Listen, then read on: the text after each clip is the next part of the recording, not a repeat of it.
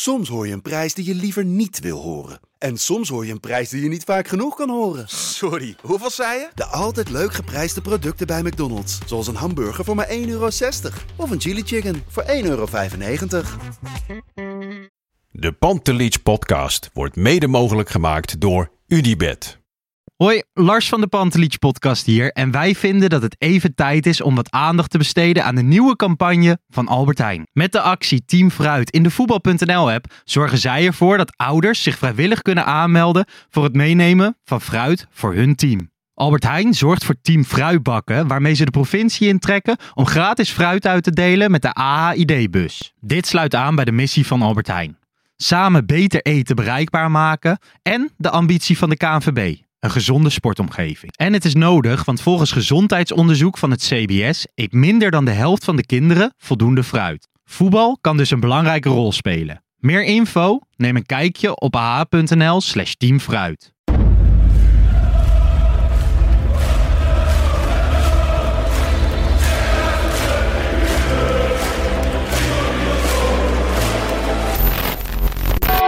For me, they can have just lot of goals, lot of fun, and some some other things. Oh, André Rieu. Ja, geweldig. Zo mooi altijd voor belangrijke Europese potjes. Maar het hoort ook echt bij de Pantelich podcast hoor.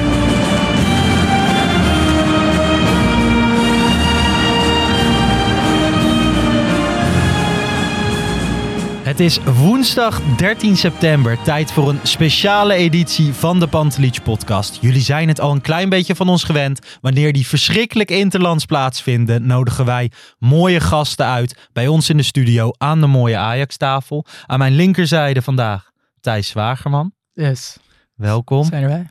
Ik, eh, ik vind jou al een hele speciale gast. Ik denk dat maar het niet eh, beter wordt. Hè? aan, de, aan mijn rechterzijde Ricardo van Rijn, driemalig kampioen Ja. ehm, met Ajax. Ehm simpel Becky, mag je dat zeggen? Ja. Ja. Prima Dat Becky. mag wel. Prima Becky. Prima simpel Becky. En sinds een week potentieel nieuw Ajax-directeur. de nieuwe Edwin van der Sar. Ja, als ik de telegraaf moet geloven wel, hè? Ja, en de publieke opinie. Zo Ja, werd dat toch een beetje ja. aangekondigd. Dat, dat, wordt er wel dat kan aangedikt worden dan Ja. inderdaad. Hè? Ook bij zo'n eh, show van jullie. Maar eh, nee, dat zal ik vandaag proberen te gebruiken om dat een beetje ja. te relativeren. Nou ja, in elk geval eh, ontzettend leuk dat je er bent. Ik, ehm, ik heb je een keer ontmoet tijdens WK Daily bij, bij FC Afkikken. Toen was je er. En een paar weken geleden op, eh, op het festival Lowlands. Ja. Toen vroeg je aan mij van, ja, tot hoe laat duurt het eigenlijk? 12 uur vanavond? Toen zei ik, nee, eerder 12 uur morgenochtend. Daaraan merk je wel, we hebben een voetballer aan tafel. Ja, precies. Nee, ik had, ik had zelf inderdaad niet eh, de ervaring met, eh, met, eh, met Lowlands. Dus ja, voor mij was het heel leuk ten eerste om daar uitgenodigd te worden natuurlijk door jullie. En ja, vervolgens na de podcast daar nog ja, wat uurtjes rond te kunnen Ja. lopen. Ik Ja? heb het denk ik niet zo lang of zo laat gemaakt als jullie, maar Nee. Ik vond het leuk om mee te maken. Zo. Ga je het vaker doen? Weet ik niet. Ik weet niet of ik dat, of ik dat zelf eh, zal doen, maar eh, ja, misschien wel. Ik denk, ik denk niet dat ik zelf daarin het initiatief zal nemen, maar mocht er een leuk groepje gaan, dan, dan zou het zomaar zijn dat ik aansluit. Voor de, voor de mensen, je bent eh, net gevoetbal, of, gestopt met voetballen, officieel. Ja. Je hebt nou ja, een best mooie carrière gehad uiteindelijk. Vind ik ook. Je hebt, nou ja, we hebben wel een carrière andersom bewandeld. Zou je dat kunnen zeggen? ja, dat vind ik wel. Dat heb ik meermaals eh, aangegeven. Als je inderdaad eh, het, eh, het pad bekijkt van type clubs in, in de volgorde zoals die is gekomen, dan, dan zou je denk ik achteraf zeggen van oké, als het omgedraaid was, dan zou het misschien net even wat mooier zijn. Maar soms moet je ook wel gewoon dankbaar zijn voor hetgeen wat je mee hebt gemaakt. En ja, dat is uiteindelijk mijn pad die ik heb bewandeld. En het is niet voor iedereen weggelegd om eh, bij een. Europese topmacht überhaupt terecht te komen. Eh, dat is mij in ieder geval niet gelukt eh, elders in Europa. Maar ja, ik heb wel eh, jarenlang voor, eh voor Ajax mogen spelen. Voor Ajax mogen spelen. Ja. Hoe eh, herinner jij je Ricardo van Rijn? Ja, toch wel als iets meer dan een simpel Becky hoor. Dan eh, ga je toch snel aan vrije trappen denken. Mooie goals, Champions League wedstrijden. Dus nee, eh, nee dat. Ja, eigenlijk mijn eerste herinnering, denk ik, jou dat ik jou leerde kennen, was eh, een goal van, bij Jong Ajax. Dat je Ja. hem met de hak meenam. Ik, Tegen PSV. ja, ja, ja, dat is wel een aardig koortje. Die is toen wel redelijk viraal gegaan, ook al voor die tijd. En ik weet nog dat er een keer een eh, benefietwedstrijd was. Er was aardbeving in Japan geweest. Of zo. Dat was nog voordat jij het debuut ook maakte, Ja, denk klopt. ik. Ja, de- daar waar jij toen opeens bij zat. ja, bij dat was, mijn, dat was mijn officieuze debuut Ja, in de ja, arena. ja. Die, eh, voor die Giro 5 en 5 wedstrijd was dat toen. Ja, klopt, klopt. Dus dat was wel een bijzondere setting. Dan kon je volgens mij voor 5 euro een kaartje Ja. kopen. En Ja. dan tegen zo'n Japanse ploeg. En toen eh schalde opeens Ricardo van Rijn. Ja. Dus eh, toen zat iedereen een beetje van wie is dat, wie ja, is ja, dat. ja, ja. En eh, nou ja, uiteindelijk wel eh, doorgebroken natuurlijk. Ja, zeker. Dat, eh, dat zijn mijn herinneringen. Dus dat is de, de kleine Thijs Ja, die daar op de ja, ja, tribune ja, zit. En ja. eigenlijk daar al ehm, een fascinatie kreeg voor het ontdekken van, Van jong talent. van jong Ja, talent. ja, en nu zitten we hier. Precies, precies. kan verkeren. hè? Ja. Kijk eens hoe het gaat. Ehm, nou ja, vandaag of eh, vorige week bekend geworden. Je keert terug bij Ajax. Ja. In een nieuw programma. Ja. Aangekondigd eh, onder de vleugels van, eh, van Menno Gele. Jij, Siem de Jong, Daniel de Ridder en Kelly Zeeman gaan meelopen binnen verschillende gelederen van de Ja. club. ja, zeker. En dan word je opgeleid tot de nieuwe, nieuwe directeur. Ja, 100 procent. wat is, Nee, een nee, beetje- nee, wat, nee, is, eh, wat, je, wat ze jullie geschetst hebben? Nee, ja, je begon inderdaad heel goed. Het is, het is, je moet het gewoon zien als een, als een programma-traject van eh, in ieder geval eh, een jaar. eh, waarin we gaan kijken van, hey, eh, waar liggen je kwaliteiten? Die gesprekken hebben we ook al gehad. En die zullen ook nog de komende maand eh, zullen die volgen van, hey, wat vind je leuk? Waar liggen je interesses? Ja, waar liggen je voorkeuren eventueel? En, en, van daaruit, vanuit in combinatie met je eigen gevoel, met je eigen gedachten en, en de gesprekken die je hebt. We hebben ook testen eh, eh, mogen maken, zeg maar. En alles bij elkaar op een hoop. Hopen we in ieder geval al een, een soort van begin, eh, een startpunt te krijgen van hey, is het misschien leuk om op die afdeling een aantal maanden mee te lopen? En dat kan eigenlijk gedurende het jaar, eh, kan of zal dat ook gaan, eh, gaan roleren. Eh, iedereen heeft daarin zijn, eigenlijk zijn eigen pad. Het is niet zo dat we met z'n vieren eh, door vier, vijf of zes verschillende eh, afdelingen roleren. Eigenlijk heeft ieder gewoon zijn eigen, eigen pad die hij bewandelt. En eh, is het ook gewoon samen met Ajax ontdekken. Zeker omdat het ook vanuit hen natuurlijk het eerste keer is dat ze zoiets organiseren en faciliteren. Is het gaandeweg gewoon ontdekken van hey, eh, wat, eh, wat zijn de, de vervolgstappen? Wat, wat vind je, wat, wat gaat er goed, wat gaat er minder goed? Wat kunnen we verbeteren? En, en, en zodoende gewoon kennis maken, denk ik, met, de met de club. Vanaf een andere kant, zoals je die als, eh, als speler gewend bent. En Ja. je, je zegt van, we hebben al wel een beetje gesprekken gehad en eigen interesse ook aangegeven. Heb je dan nu een idee waar jouw voorkeur naar uitgaat op dit moment? Ja, nee, goed. ehm, kijk, mijn, mijn startpunt is denk ik geweest in februari, waarin ik eh, eh, door Menno onder andere ben uitgenodigd om mee te gaan naar eh, de Union Berlin wedstrijd. Ja. Ehm, mee te gaan om eh, in hetzelfde vliegtuig waar ik zelf jarenlang ook heb gezeten, waarin de spelers voorin in een gedeelte zitten. En een hele rits sponsorenrelaties achterin eh, zitten waar je als speler zijn er niet echt weet van hebt wie dat, wie dat nou allemaal zijn. En Ja, wat Maakt je ook niet uit op dat moment. nee. ben je ook helemaal niet mee bezig. Eh, en die gaven mij de mogelijkheid om in ieder geval een keertje vanuit die kant eh, een, wedstrijd eh, mee te gaan, Europees. In contact te komen met de, met de mensen, sponsoren, relaties die, die aan IJs verbonden zijn. En te, en te zien hoe zo'n reis dan wordt georganiseerd, wordt beleefd en, en, en wordt ja, samengesteld door, door Ajax. En Ja.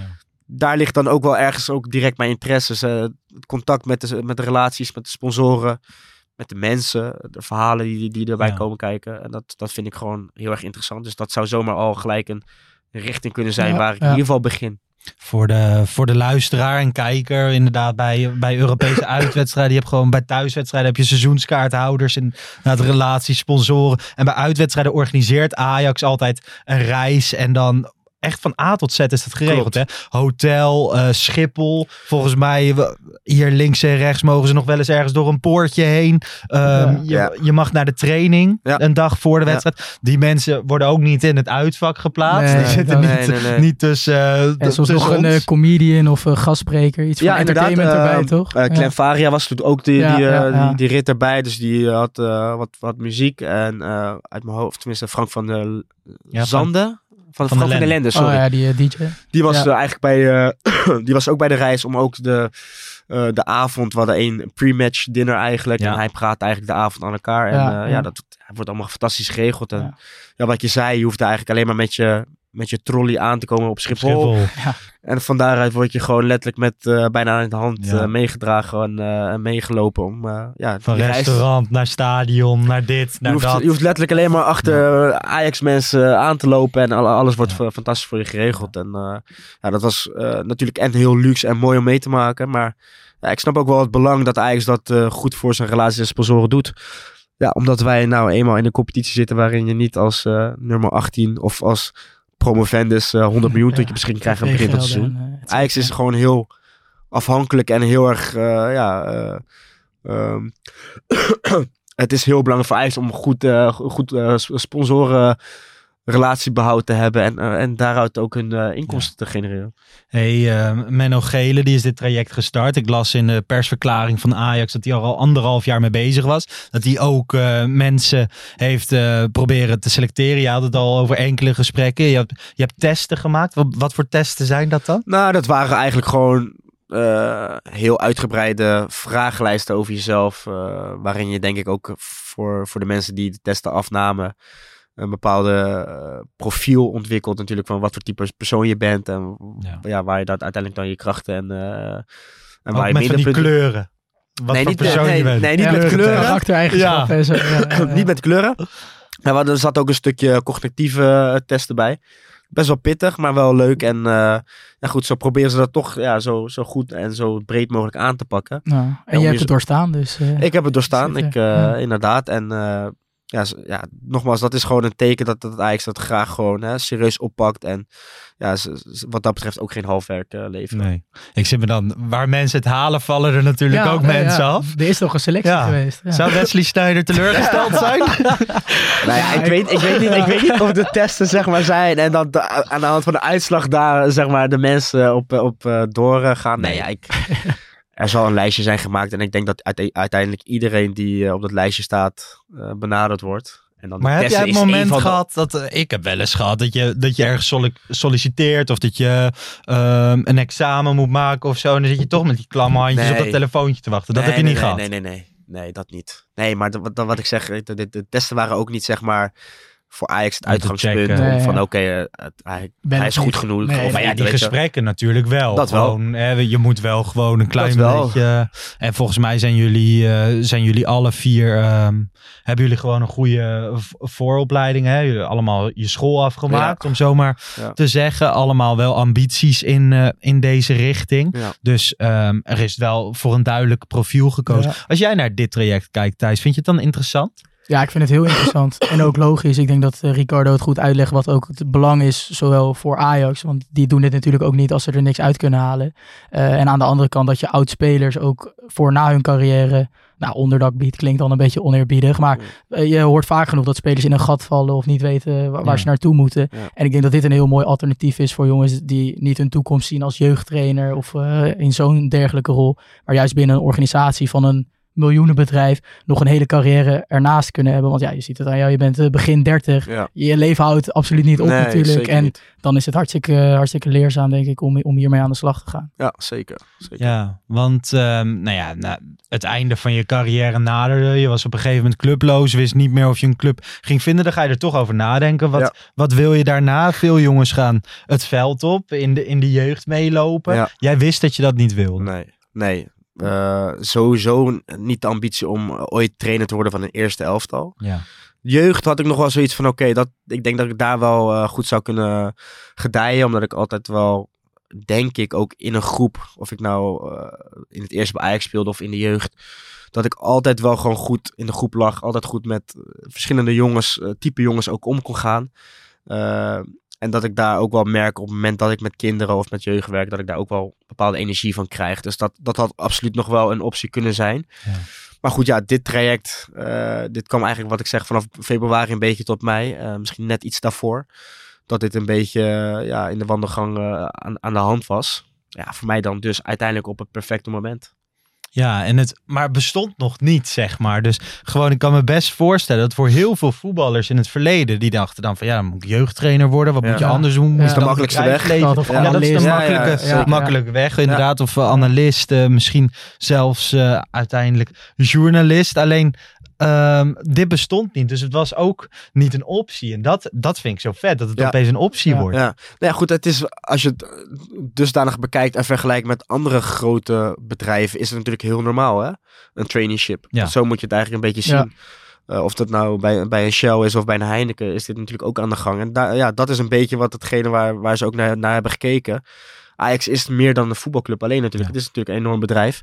En ik denk dat ze daar ook eh, en, en zelf de ervaring mee hebben met, eh, met een Menno die dat ook misschien zelf al eh, eh, doorlopen heeft.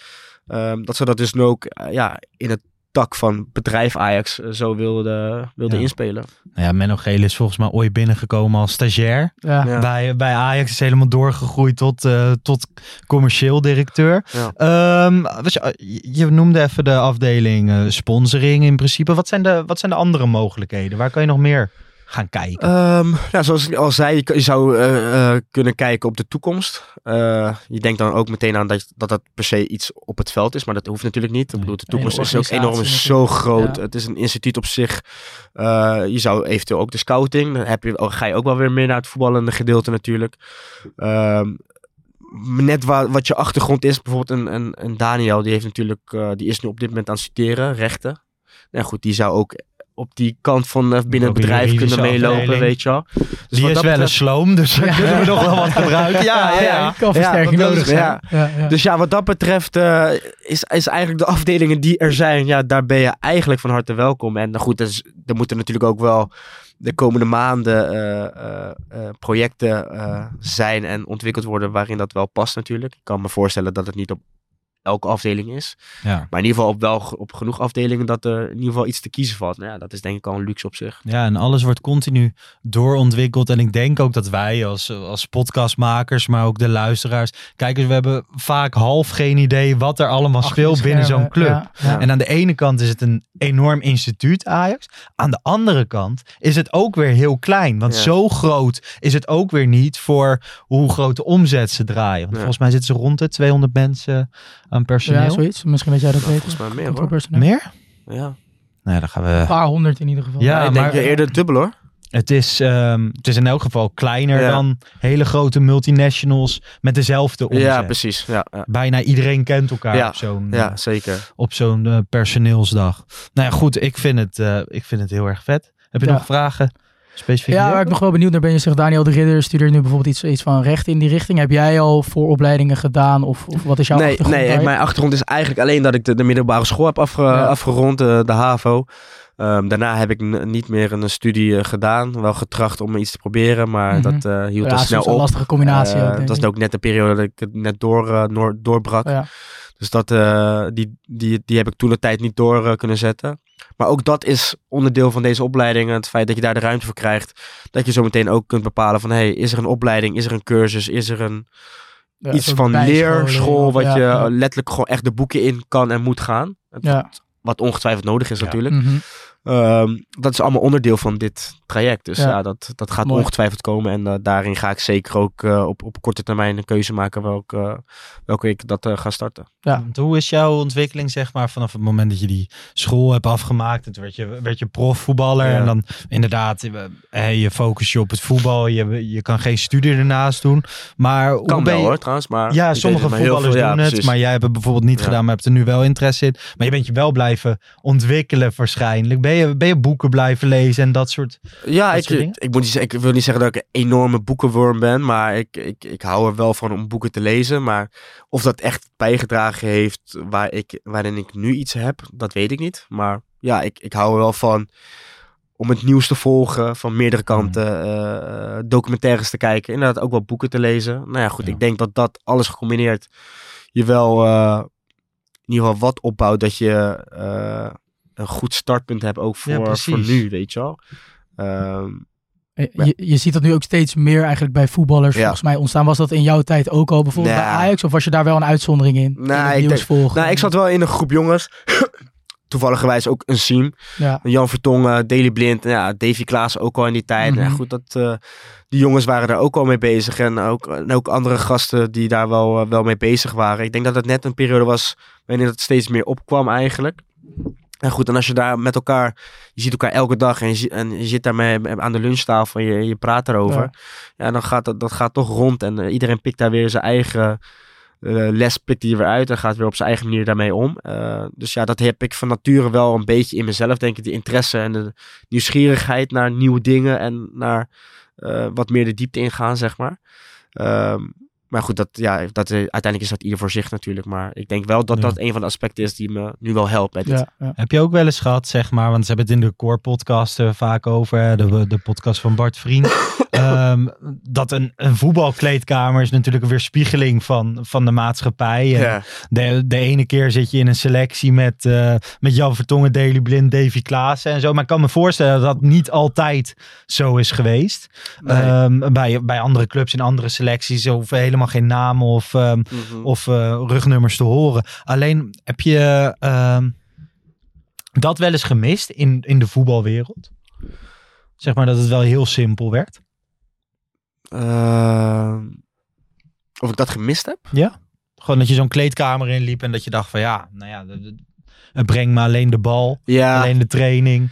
nou, nou, misschien bij momenten, maar ik, eh, nee, dat niet zo. Ik, ik denk dat ik heel erg vooral genoten heb van het feit eh, van, de, van de lol die er, die er wel was. En ja, op het moment dat je wel wat meer diepgang wil, was er wel, had je wel altijd wel mensen die daar ook wel voor open stonden natuurlijk. Of het nou spelersgroep, eh, in de spelergroep zelf zat, of in ieder geval iets in de staf. Ja, Ja. je vindt altijd wel mensen met wie je eh, kunt levelen, mee, mee kunt klankborden, denk ik. Eh, nee, ik heb me nooit geërgerd aan het feit dat het allemaal zo simpel was eigenlijk. Nee. Nee. Kan je buik schuiven? Ja, dat vraag ik van de directie van Ajax. Hè? ja, Ja, ja. ik, ik ook voorzie wel straks. ik voorzie wel ik een succesverhaal. Ik, ik, had, ik had hem snel voor me. Nee, Ja. ja. denk het wel. Snel. Als het gewoon echt gras is, dan moet het lukken. Ja. Maar dat moet, eh, ja. Nou ja, meestal in de Europese Meestal top. ja. En als Ja. Ajax weer eens een kwartfinale, halve finale Maar Champions gebeurt dat League. niet op kunst? Het ooit? Nee, precies. Nou, ik ben benieuwd wanneer dat zal gebeuren dan. Ja, maar dat is wel gewoon, dat lijkt me wel ontzettend, ontzettend mooi. Want je ziet nu hè, dat Ajax gaat nu weer beginnen aan een nieuw project. Ja. dat gaan ze over een aantal jaar weer. En zo gaat dat eens in de, in de zoveel tijd. Ja. Maar dat lijkt me zo vet om zoiets op te bouwen. Ja, en is dat ook iets waar jij nu naar uitkijkt? Dat je, je bent nu terug bij Ajax, dus dat je ook weer elke wedstrijd gewoon in het stadion kan zitten. Want ik kan me voorstellen dat dat de jaren hiervoor niet zo, Nee. zo was natuurlijk. Nee, klopt. Nee, ik heb inderdaad de afgelopen jaren eh, heel af en toe een wedstrijdje Ja. eh, bezocht. Maar inderdaad nu als eh, zometeen eh, officieel werknemer weer, dan Ja, heb ik wel the job ja, gewoon, Ja. eh, eh, de mogelijkheid weer om, om, om wekelijks of twee wekelijks weer in de arena te zijn. Ja. Daar kijk ik wel weer naar uit. Ja. Dat stukje heb ik wel gemist, zeker in de afgelopen eh, jaar anderhalf, waarin je geen club hebt en ja, uiteindelijk stopt natuurlijk. Ja, kijk ik wel weer uit naar dat soort wekelijkse momenten dat je eh, ja, en toch weer de mensen ontmoet en eh, ja, de verhalen hoort. En ja, Ja. nogmaals, dat, dat vind ik gewoon hartstikke interessant. Veel bekende koppen als je dan zo terugkomt. Als je door Ja. de arena, arena loopt. Natuurlijk ook heel veel veranderd. Eh, Of het nou de, de dames die bij ons de lunch verzorgden hadden of het ontbijt, ja, die zijn er helaas niet meer. Dat is, eh, Mhm. tenminste, ze zijn er nog wel, maar niet, maar wel heel zwaar, zo. Nee, nee, nee, die zijn Ja, er zeker zijn nog wel. vervangen, Ze ja. zijn in ieder geval vervangen, weet je. Ook dat, eh dat roleert en dat, Ja. die selectie gaat door. Ehm, maar ook weer genoeg mensen die daar al eh, tijdenlang in, in de organisaties eh, zijn en eh, actief zijn. die ik de afgelopen week ook weer heb kunnen zien. Ja. En ja, dat, dat voelt dus ook weer gelijk als, als thuis. Zo Ja. voel ik het ook gewoon. Echt dat ik weer thuis ben. En dan, we, we hebben altijd het Ajax killen, Ajax warme club. Is het voor jou gewoon echt een hele warme club? Ja, En altijd geweest? ja naar mijn mening, optiek en hoe ik dat ervaren heb wel, ja. Zeker. Ik kan me voorstellen dat, eh, dat het misschien voor de buitenwacht anders is. Of dat je op het moment dat je andere ervaringen hebt beleefd als speler zijn of als werknemer zijn. Ja, er zullen er altijd zijn die dat ook vinden. Wat ik ook oprecht geloof natuurlijk. Maar zelf heb ik dat niet ervaren. Nee. Nee, altijd als je hè, de documentaire, daar horen zij engelen zingen uit 2002 wordt berucht. natuurlijk Ja. altijd uit Ja, aangehaald. Jij hebt jarenlang op de, op de toekomst rondgelopen, wedstrijden gekeken. En natuurlijk ben je dan niet betrokken bij wat er allemaal binnen de club gebeurt. Mhm. Ik heb dus altijd, als je over de toekomst loopt, dat ik het gewoon gezellig vind. ja. Ja, ja, het Ja. ligt ook heel erg aan eh, zeker de mensen eromheen sowieso. En verder Ja. denk ik dat het heel erg ligt aan bijvoorbeeld de jeugdtrainer die Ja. je hebt gehad. Ze zijn wel allemaal heel hard en direct, Ja. maar ze kunnen ook gewoon een armpje om je heen slaan en dat, dat teamgevoel creëren. Ja, kijk, ik, ik heb, ik heb eh, mannen zoals Arnold Muren gehad. Ehm, ja, dat waren gewoon hele zachtaardige mensen, weet je wel. Die, die, ja, inderdaad, als je het dan vergelijkt met de, met de beelden uit, uit Daar horen ze Engels zingen. Ja, dat is een totaal andere Ja. wereld, weet je wel. Dus Heb jij wel eens naar die documentaire zitten kijken en dat je denkt van, hé, was, dat, was dat hier? Ja, tuurlijk. Ja, en ik heb ook eh, de trainers die daarin zeg maar een soort van hoofdrol vertolken. Ja. dat zijn ook mijn trainers Ja. geweest. Ja, die waren wel eh, natuurlijk na loop tijd wel wat, eh, wel wat veranderd in gedrag. Ehm, en daar heb ik juist wel weer hele goede ervaring mee gehad, weet je wel. Dus dat is ook wel weer zo gek. eh, ja, en een bepaald verloop van hun leven en carrière. Ja, als mens kan je ook groeien. Ja, precies. Ja, Ja, ja. en ik heb dus ja, zelf persoonlijk als speler zijn, dan heb ik ook mijn mijn betere jaren en heel veel vertrouwen eh, en comfort gevoeld onder een van die trainers, weet je. Ja. Ja. Dus dat is dan weer mijn ervaring daar. Maar ja, inderdaad, als je die beelden ziet, ja, dat dat spreekt voor zich. spreekt ook voor zich. Ja. Dan denk je, als je dan ooit die directie bereikt en je ziet zo'n documentaire, Ja. denk je, "Mwah, niet helemaal pedagogisch Nee, verantwoord. nee, inderdaad. Dan ga ik ervan uit dat ik dat eh, anders zou regelen. Ja. Precies. Je kwam eh, op hele jonge leeftijd bij Ajax, tien jaar. Ja. Ehm, werd gescout, neem ik aan. Klopt, ja. Weet je nog op het moment dat je die brief kreeg? Ja, zeker. Ja, die, eh, ik, werd er wel eh, deels op voorbereid, omdat de club en de, de scouting, die gaat natuurlijk eerst naar, naar, de, naar de club zelf, Hmm. dat, dat, dat Ajax in ieder geval interesse heeft. Van daaruit eh, komen ze natuurlijk ook achter je adresgegevens, et cetera. Dus eh, ja, de- je weet dat er iets speelt. Maar ja, ik weet ook zeker wel, ook vooral het moment van dat je aangenomen werd, die brief. Ja, Ja. dat was ook zo'n mm, ja, mooi moment waarin je uiteindelijk dan ook later wordt gebeld door de hoofdjeugdopleidingen. Ehm, Wie was dat toen de tijd? Jan Olderiekrink. Ja. ja. Dus eh, ja, dat zijn, dat zijn gewoon momenten die je als klein jochje natuurlijk altijd koestert. En ja, een droom die op dat moment letterlijk eh, uitkomt. Ehm, ja, als eh, ja, de jeugdopleiding als een heel fijne periode mogen ervaren. Het ging allemaal vrij soepeltjes bij mij. Ehm, ja, een en al positief eigenlijk wel.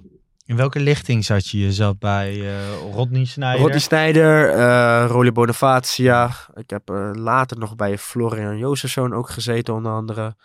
Eh Castellon. Castellon ook inderdaad. Wij hadden inderdaad- toen een lichting wat een beetje vanaf de C1, B1, waarin we echt wel echt een hele sterke lichting hadden. Kampioen werden, landelijk kampioen ook werden.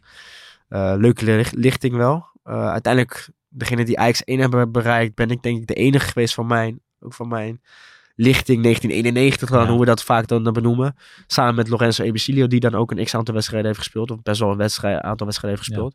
De enige twee eigenlijk. Dat is niet veel. Dat is niet veel, nee. Had jij dat ook zelf niet verwacht, denk je niet? Hè? Want je noemt de sterke licht en jullie wonnen veel. Had je jongens om je heen waarvan je dacht, dit is Ja, nee, ik dacht, ik dacht inderdaad ook een, dat een Bonifacia toen de tijd op een gegeven moment, die ging ook op een gegeven moment zo snel en Ja. sloeg ook teams over. Eh Castillon was natuurlijk ook een geweldig eh, talent. Ja, en toen de tijd al in heel die, eh, groot. en nieuwe. Kluivert, Ja, hè? nieuwe dachten ze. Kluivert. Ja, ja, ja. Ja, die geluiden gingen zeker op. ja. Je ziet toch dat die jongens uiteindelijk hebben nu wel ook Eredivisie niveau Ja. wel ge- gehaald. Maar Ja, de Castellon is echt overal en nergens. Ja. Volgens mij is hij een beetje de eerste jongen waar heel veel jongens later ook last van hebben gehad. Dat ze heel jong al heel erg opgehyped Ja. werden vanuit de Ja. Ajax. Ja. En dat, Ja. eh, zeker bij aanvallers gebeurt dat natuurlijk veel met Ja. die cijfers die hij haalde ieder Ja, seizoen. zeker. Dan verwacht je gewoon van, eh, dit, dit is de volgende Ja, van spits. fysiek al Ja. heel Ja. ver. en dat was ook gewoon in de tijden van A1, weet je wel. Dus dat zit je Mhm. er toch wel weer een soort van Ja. dicht Ja, tegenaan. Ja, best wel jong gedebuteerd ook. eh, ja. Ja. Dus dan snap ik dat wel. Maar ja, inderdaad, ik weet niet of dat altijd even goed werkt voor de, voor de jongens zelf natuurlijk. Zo'n bepaalde Nee. druk en verwachting. Ja. Nee, ik zei eh, helemaal aan het begin zei ik eh, simpel Becky, maar je kwam binnen als rechtsbuiten. Bij Ajax Bij inderdaad. Ajax. Ja, klopt. Ja, ik, eh, ik speelde bij de, bij de amateurs. Inderdaad was ik gewoon een aanvaller. Daar viel ik de- dan ook eh, vooral in op. Inderdaad, als, als rechtsbuiten in de D2 eh eerste SD eh, binnengekomen. Maar bij Ajax werd het al vrij snel duidelijk dat dat niet mijn positie zou worden. Ook eh misschien de jongens die er al waren, die er al speelden, ja. Op een gegeven moment had ik gewoon niet echt meer, ik had gewoon niet echt een passeerbeweging, zeg maar. Dus ik kon, ik was, ik was altijd redelijk snel. Ik had Ja. toen de tijd al best wel een leuke trap, weet je wel. Ja, goed, dat tikje opzij en die voorzet, ja, dan op een gegeven moment weten ze dat ook wat te verdedigen. Ja, ja, Dus ik had eh, wat dat betreft weinig, eh, weinig in mijn mars. Maar ja, elke keer een linie naar achter. Eventjes op middenveld gespeeld. Ehm, rechtsback. En toen heel lang eh, centraal gespeeld. Centraal. En daarna weer dat laatste stukje eh, ja, eh, rechtsback Ja, gedebuteerd. En daar blijven staan. Ja, ja wie waren de, in de jeugd de, de leukste medespelers? Trainers, gewoon die, wie waren de sfeermakers? Nou ja, goed. Ik heb sowieso één beste vriend aan, aan, aan de Ajax-jeugd overgehouden. Tim Reserveur. De, die kennen jullie natuurlijk ook wel. Zeker. Regelmatig in de FC Ja, precies. Die ja. gaat voor analist. Ja, ja, inderdaad. In Of, plaats of van TD. directeur bij eh, Ja. Dordrecht. ik, zie, ik zie hem inderdaad al eerder bij eh, misschien de Almere, Almere City. eh, City ja, dat weer zijn clubje hè? natuurlijk. Ehm, dus dat, ja, dat is dan een van de echte vrienden die ik aan over heb gehouden. Ja, toen de tijd was het wel echt een leuke, leuke ploeg ook. Ja, jongens als een god niet snijden. Dat waren ook allemaal gewoon echte mannetjes toen de tijd al natuurlijk. Hè. Grote broer die, eh, die al verreuren maakte bij, bij Ajax Ja. in het buitenland. Ehm, maar andere bekende namen. Nou ja, maar het lijkt mij gewoon zo. Dat, dat is voor mij altijd de droom geweest dat je dan op zo'n jeugdtoernooi komt met best wel aansprekende andere ploegen en Ja. dat jij dan in het Ajax trainingspak komt. Dat lijkt me gewoon vet. Ja, dat was, ja, dat was toen de tijd al gewoon zo strak geregeld. Iedereen in hetzelfde pakje, dezelfde Ja. schoenen. Alles was helemaal Ja. zo geregeld, weet je wel. En dat was bij, op zich bij andere clubs ook wel zo. Maar bij ons was het echt, werd er ook wel echt op gehamerd van hè, shirt in je broek. En het moest er ook gewoon, behalve dat, het, dat we gewoon goed moesten spelen, moest het er ook gewoon goed uitzien. Bij Ajax in de jeugd moest je ook heel lang zwarte schoenen aan, toch? Had jij dat ook? Eh, nou, in ieder geval in de jeugd was je wel altijd verplicht om eh, op een type model schoenen te spelen. Adidas altijd, wat Ja. altijd de, de sponsor is geweest. Dan mocht je op een gegeven moment mocht je wel, kon je wel kiezen uit twee, drie verschillende opties. Maar dat waren vaak wel Ja. grotendeels zwarte schoenen. En ik denk dat ze de, eigenlijk toen de tijd in mijn tijd, vanaf de jong, vanaf jong Ajax, dat je daarin vrij was, zeg maar. Dus tot en met de A1 moest je echt verplicht op eh, Adidas schoenen spelen. Ja, dan hadden wij al vaak de leuke uitstapjes richting jeugdelftallen, waarin we dan hè, snel Ja, op de Nike's ja, konden ja, spelen Ja, ja. en op de witte schoenen konden Ja. spelen. Ehm, ja, uiteindelijk later werd dat wel wat veranderd, geloof ik. En ja, nu is eh, wit- de witte schoen is eh, Ook helemaal goed. Ja. Ja, je zegt eigenlijk van je kijkt heel erg positief terug op die tijd. Er komt, eh, komt een glimlach op je gezicht. eh, Ja. Een paar le- goede vrienden aan overgehouden. Zijn er ook momenten geweest dat het moeilijk was in de jeugd? En was jij bijvoorbeeld ooit een twijfelgeval van ben ja, ik niet blij? Ja, zeker. Ja, ik denk met name eh, mijn laatste periode eh, in de A-junioren. Toen eh, had ik ook Frank de Boer als trainer. kwam ik net even in een periode ja, dat het even wat minder ging of zo. Eh, Ik was altijd eh, jarenlang zeg maar ook altijd de aanvoerder geweest. Ja. En op een gegeven moment kom ik een keertje op de bank. En was ik niet, eh, niet meer de onbetwiste speler zeg maar van... eh, of in ieder geval een basisspeler op dat Ja. moment. Dat heeft zich uiteindelijk eh, ook nog een beetje doorvertaald in jong Ajax ook nog een tijdje. Ik maakte gewoon vrij soepeltjes een stap van, van de A1 naar jong Ajax. Ik, ik tekende op mijn 16e ook een contract. Dus uiteindelijk was ik een soort van... bovenkant van je lichting. Ja. Ja. maar we, we, we tekenen toen wel met een hele grote groep jongens hoor. Volgens mij toen de tijd 11 tegelijk of zo. Best wel veel. Allemaal op de foto tegelijk. Ja, Eh, elke foto. ja, bijna, ja, bijna wel. Want het Ja. was echt letterlijk echt bijna het hele, hele elftal wat eh, toen speelde. Ehm, maar toen de tijd heb ik ook nog, de, eigenlijk de periode vlak voor mijn debuut, ook nog best een lastige periode gehad. Waarin het eigenlijk niet echt duidelijk was of ik wel of niet zou blijven. Ook al toen de tijd nog gesprekken Ja. gehad met andere clubs. Om, eh Over om die te verhuur of echt definitief? Ja, om eh, gewoon wel weg te ja, gaan. Ja, ja, want mijn, mijn jeugdcontract liep toen ook een beetje tot het einde. Ja. Eh, het is eigenlijk een beetje gegeven dat je eigenlijk nooit langer dan een jaar in Jong Ajax moest spelen. bent weet je wel. aanvoerder van ben jonge aanvoerder van, Ajax. Ajax- van Ja. Ajax. Nou, dat was wel Dan sowieso blijf je eh, net te lang hangen een- eigenlijk. te, Ja. te lang hangen. Dus uiteindelijk wel besloten, bewust, om nog een jaartje te blijven. Ja. Onder trainer Gerry Vink. Nou, dat is uiteindelijk eh, heel goed gelopen. En eh, mede daardoor ook eh, de kans gekregen. Het zij door blessures, maar Ja. wel de kans gekregen en, en gegrepen. Ja, de brug gevormd eh, naar de arena, Ja. waar je Frank de Boer wederom Ja, tegenkwam. Ja. Dat is dan wel opvallend, dat je daar juist een mindere periode onder had. Maar dat eigenlijk, ik koppel jou ook echt aan de trainer Frank ja. de Boer. Ja, ik heb ook alleen maar onder hem Ja. gespeeld. Kijk, ik heb nog wel een, een voorbereiding gedaan bij eh, Peter Bos. Maar dat was net eh, de voorbereiding, of eh, het seizoen dat ik weer wegging. Dus ik heb ook heel mijn Ajax-periode onder Frank de Boer alleen gespeeld. Ja. Hey, eh, 15 mei 2011. Jij zat nog net niet bij de Nee, wedstrijd. toen was ik bij, nee, zat ik nog bij Jong Ajax Ja. inderdaad. Ja. Hoe heb jij die dag beleefd? ik wil het altijd van iedereen weten. Dat is de mooiste dag in mijn leven. Nou, wij waren met Jong Ajax volgens mij heel ver weg in Azië. Wij speelden een toernooi in Hongkong of zo. Oké dan. Wow. ja, Maar dat, dat is ook lekker. Dus stel Siem de Jong. Die was opeens geblesseerd Ja, ja. geraakt. Of die was aan de diarree geraakt. De dag Ja. van Kom er niemand mee. Ja. Ja, ja, gewoon weer mee. ze hadden, natuurlijk het wel, ze hadden het natuurlijk wel zo gedaan. En eh, ja, Ze hadden een klein beetje kans. Maar hebben jongens, ja. Precies, ja. Ja. De, de wat grotere talenten of die er wat echt Ja, wat dichterbij ja, zaten, geen die waren, eh, die waren er ja. gewoon bij. Ehm, dus ja, echt een beetje de kerngroep van Jong Ajax, ja, die had gewoon een toernooi daar. Ja. En wij, wi- ja, wij hebben toen daar die wedstrijd beleefd Wat en sick. gekeken. Ja, super vet Je kon wel live Ja. volgen, zeg we konden het wel live volgen. ja. Het kwam er net inderdaad goed uit met, eh, met de tijden toen de Ja. tijd ook. Ehm, maar ja, goed. Heel anders natuurlijk dan, eh, dan dat je hier in Nederland had geweest. Want als je in Nederland had geweest, had je waarschijnlijk in de arena geweest. Dus dat Ja. was wel jammer natuurlijk. Ja, Maar ja, ook wel een heel bijzondere manier om dat op de andere kant van de wereld eh met z'n allen te beleven. Ja, met Ajax zijnde dan inderdaad. Met, met je eigen team.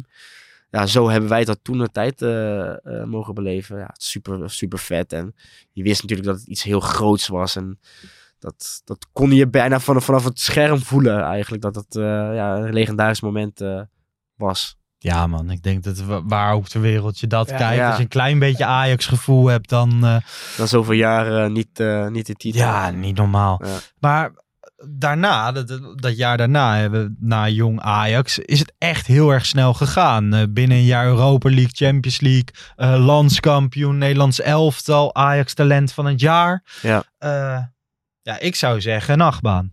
Toch? Ja, zeker. Nee, dat ging ook uiteindelijk heel veel in een hele, hele ko- korte periode natuurlijk.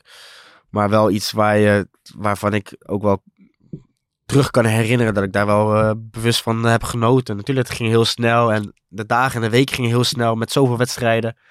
Je, je speelde vaak nog wel na, na de winststop nog wel Europees. Weliswaar niet op het niveau wat la- jaren later was natuurlijk. Maar ja, je had wel gewoon vaak eh, ja, een wedstrijd of 40 per seizoen of zo, weet je met de beker erbij. Waarin je vaak wel ver kwam. Ja, dat, dat ging eh, enigszins als een roes. Maar aan de andere kant heb ik daar, weet ik, ook wel gewoon heel veel eh, momenten gehad dat ik gewoon echt kon genieten ervan. Ehm, ja, geweldig om mee te maken. Je zegt van toch best wel veel bewust genoten. Ja. Is dat en dan, dan avond als je thuis komt, Ja. dat je heel bewust daar even je momentje voor Zeker. neemt? Of, ja, hoe, Zeker. ziet dat bewust genieten eruit? Nou, in bewust genieten eh, ook wat ik me kan herinneren. Kijk, ik was sowieso al niet echt iemand die heel snel eh, van het eh, heel snel klaar was met douchen, zeg maar. mhm. Dat was vrij irritant voor de mensen Ja. die kwamen kijken.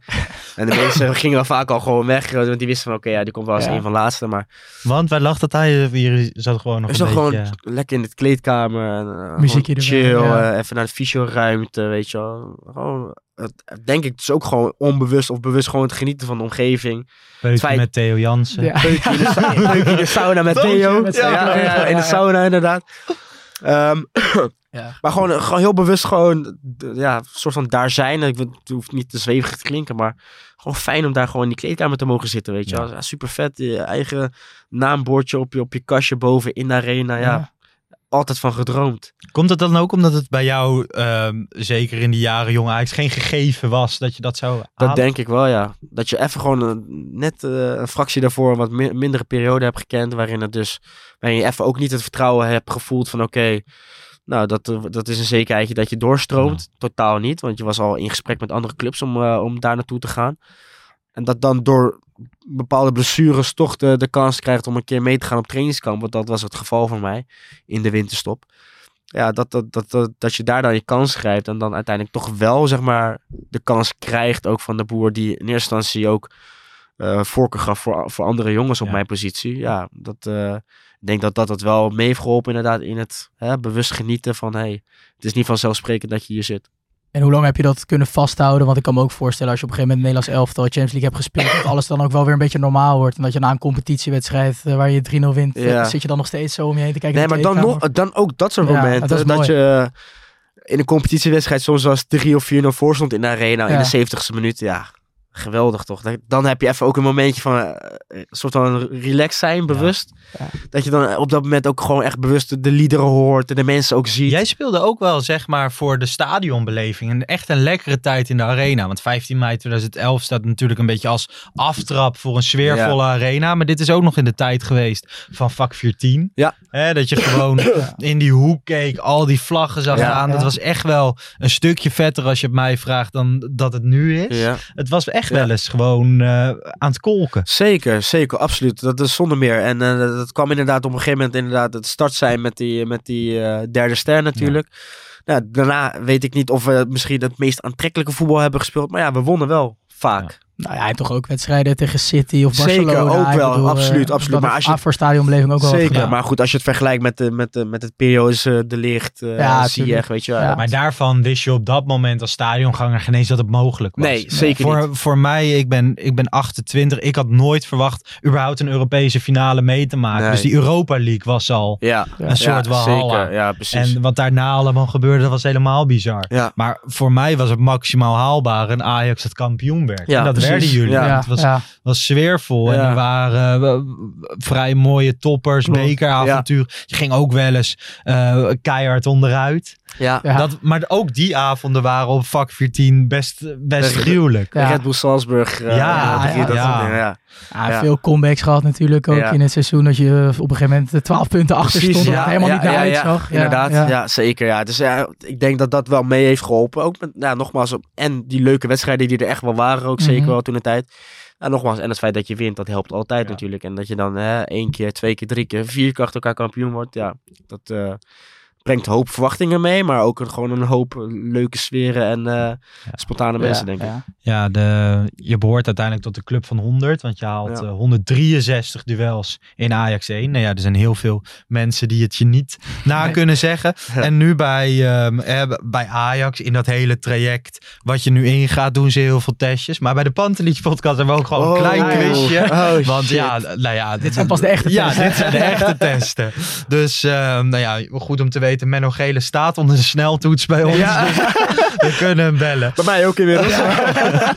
Tegen wie speelde jij met Ajax in de kampioensjaren de drie kampioensduels? Oh, ehm. Wauw. Oh ja, tuurlijk. eh Herakles uit. Dat was de tweede. Ja. VVV.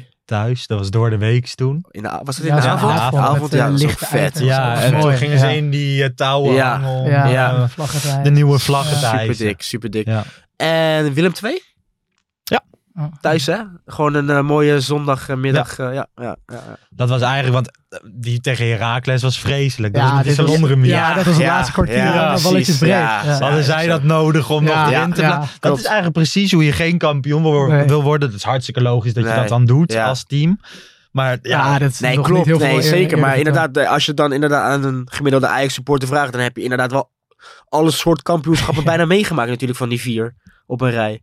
Van, en eh, Ja. dat het legendarische eerste natuurlijk. Eh, een keertje in de avond, wat vond ik ook heel vet Ja. nogmaals. Eh, een keertje in uitwedstrijd, dus dan heb je ook wel...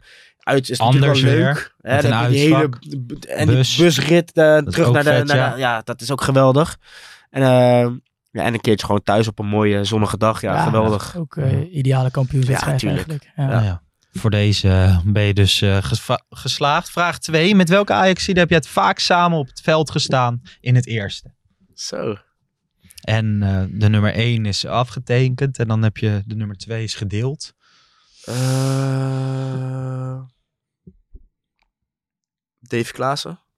Die vinden we teru- terug op plek 5. Echt? Ja, daar heb je 91 keer mee samengespeeld. Maar er zijn nog vier waar je er meer mee hebt samengespeeld. Moet ik even iets daarvoor. eh Daily? Daily Blind staat er ook in, tweede. 96 keer. De nummer 1 speelt nog in de Eredivisie op dit moment. Middenvelder. Lassen. Ja. Ja. 113 keer. Ja. Ja, ja, ja. Ja, die zat er al die jaren bij natuurlijk. Ja, ja. inderdaad. Ja, die kwam inderdaad eh, in 2012 of Ja. zo ook. Ja, zomer van 2012. 2012. 12, hè? Ja, nou goed, dat was mijn eerste eh, volledige seizoen eigenlijk. Ja. Ja. Dus jullie zijn eigenlijk samen door die eh, jaren heen gegaan. Ja, ja, zeker die beginperiode. Ja. Hebben we regelmatig aan die rechterkant Ja, precies. toen, eh, gestaan. Samen een, Topgozer. een tandem. En een goede voetballer, een hele goede voetballer. Dat, eh, dat geloof ik. Hij is ook wel een van de ehm Ajaxide van waar ik nog steeds het meest tegen opkijk of zo. Ik was een keer bij een oefenwedstrijd van NEC kijken. Ja. En toen was die, weet ik veel, ge- gewisseld in de rust of zo. Gewoon oefenwedstrijd. Toen stond hij naast me met wat kinderen te praten. Stond ik zo naar hem te kijken. dacht ik van, ja, wel vet. Ja. Lasse Schöne, hij heeft gewoon uitstraling. Zeker, Ja, hè? ja. En inderdaad dat. En hij het is gewoon echt een, echt een hele aardige, goede kerel. Eh, en hij heeft natuurlijk ook eh, dat, dat ding om zich heen. Dat hij, hè, hij, hij begon altijd op de bank. Ja. En wist zich Mhm. altijd weer eh, terug in het Ja. veld eh, te, te, te, plaatsen, te spelen. En uiteindelijk eh, nu de buiten, meeste buitenlandse... Ja, Ja, Dus, spelen buitenlandse ja, met de meeste wedstrijden, ja. ja. Ajax. top. Ja.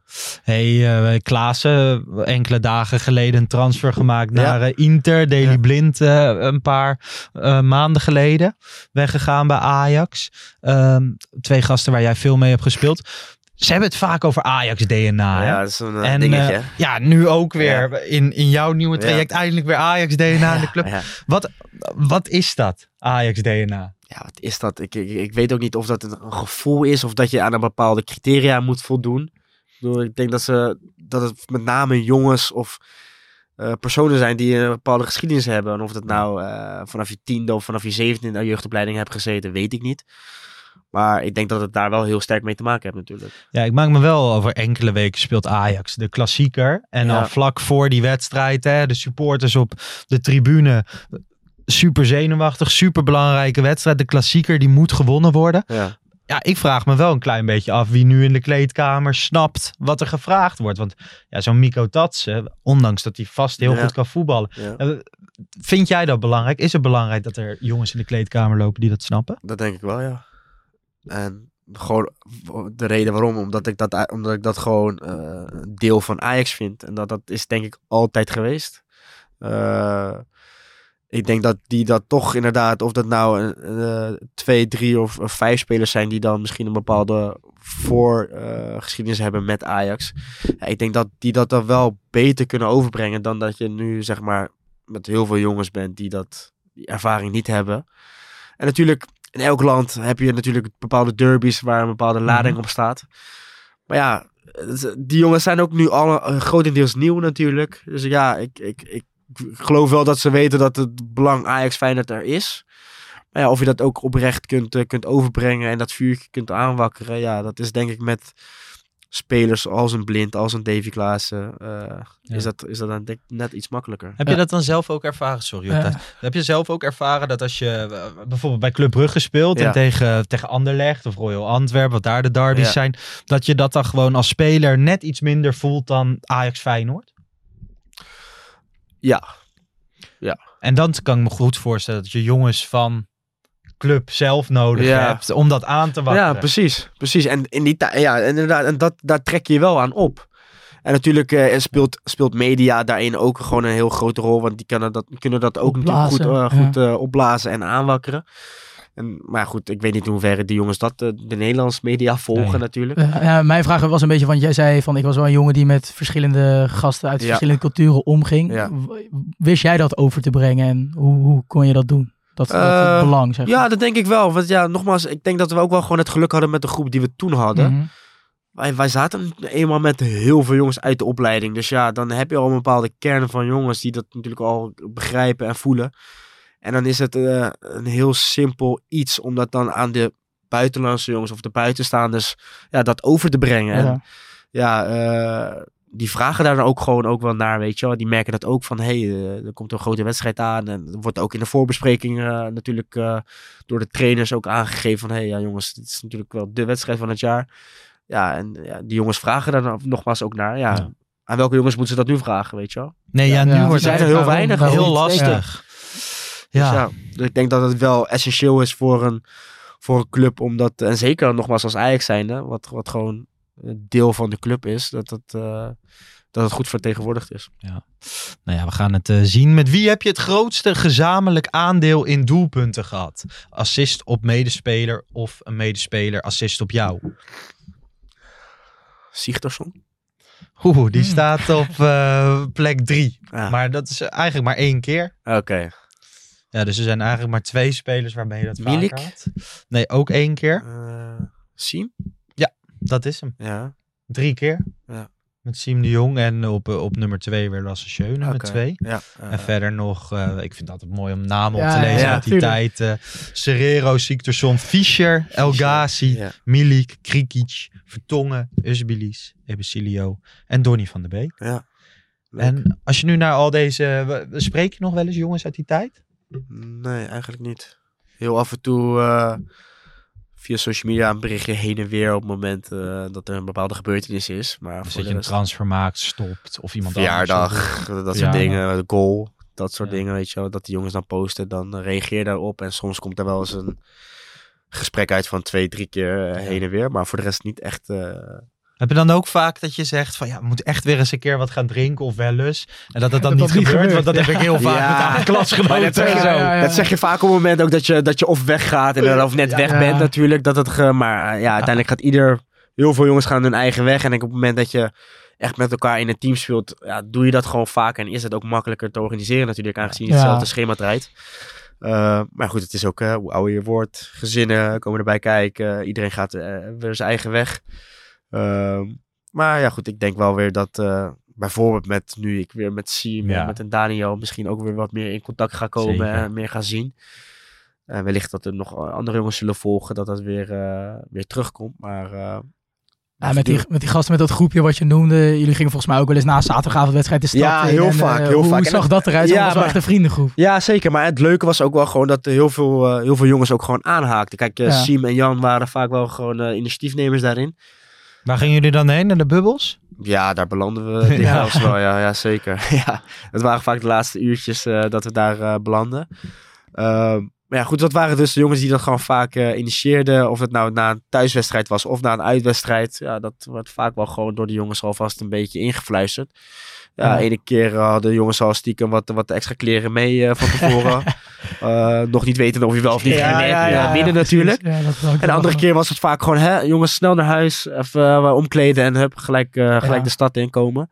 Dus dat was wel leuk. En het leuk was nogmaals, iedereen haakte daar wel echt in mee en ging daarin mee.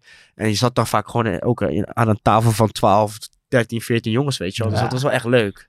Dat, eh, het is, eh, je zegt tussen neus en lippen door gebruik je het woord winnen. Je wist nog niet of je ging Ja. winnen. Ja. En Daily Blind heeft wel eens in zijn podcast verteld dat dat wel essentieel was. Want werd er Ja, niet gewonnen, dan dan ga je niet ze naar huis. Nee, Nee, nee. En je weet natuurlijk van genoeg ploegen, van die zijn er Ja. dan ook als ze ja, verloren ja. hebben. Maar bij Ajax gebeurt dat dat wel duidelijk, ja. Dat het in was geval echt eh, alleen naar Ja. winnen. En eh, ja, je weet ook, bedoel, als je eh, na het verliezen in de stad loopt, ja, dat, is, dat is vragen om moeilijkheden. Ja. zeg. Jullie zaten nog wel net op het kantelpunt dat je wel gewoon met de Ajax-selectie dat blijkbaar kon doen.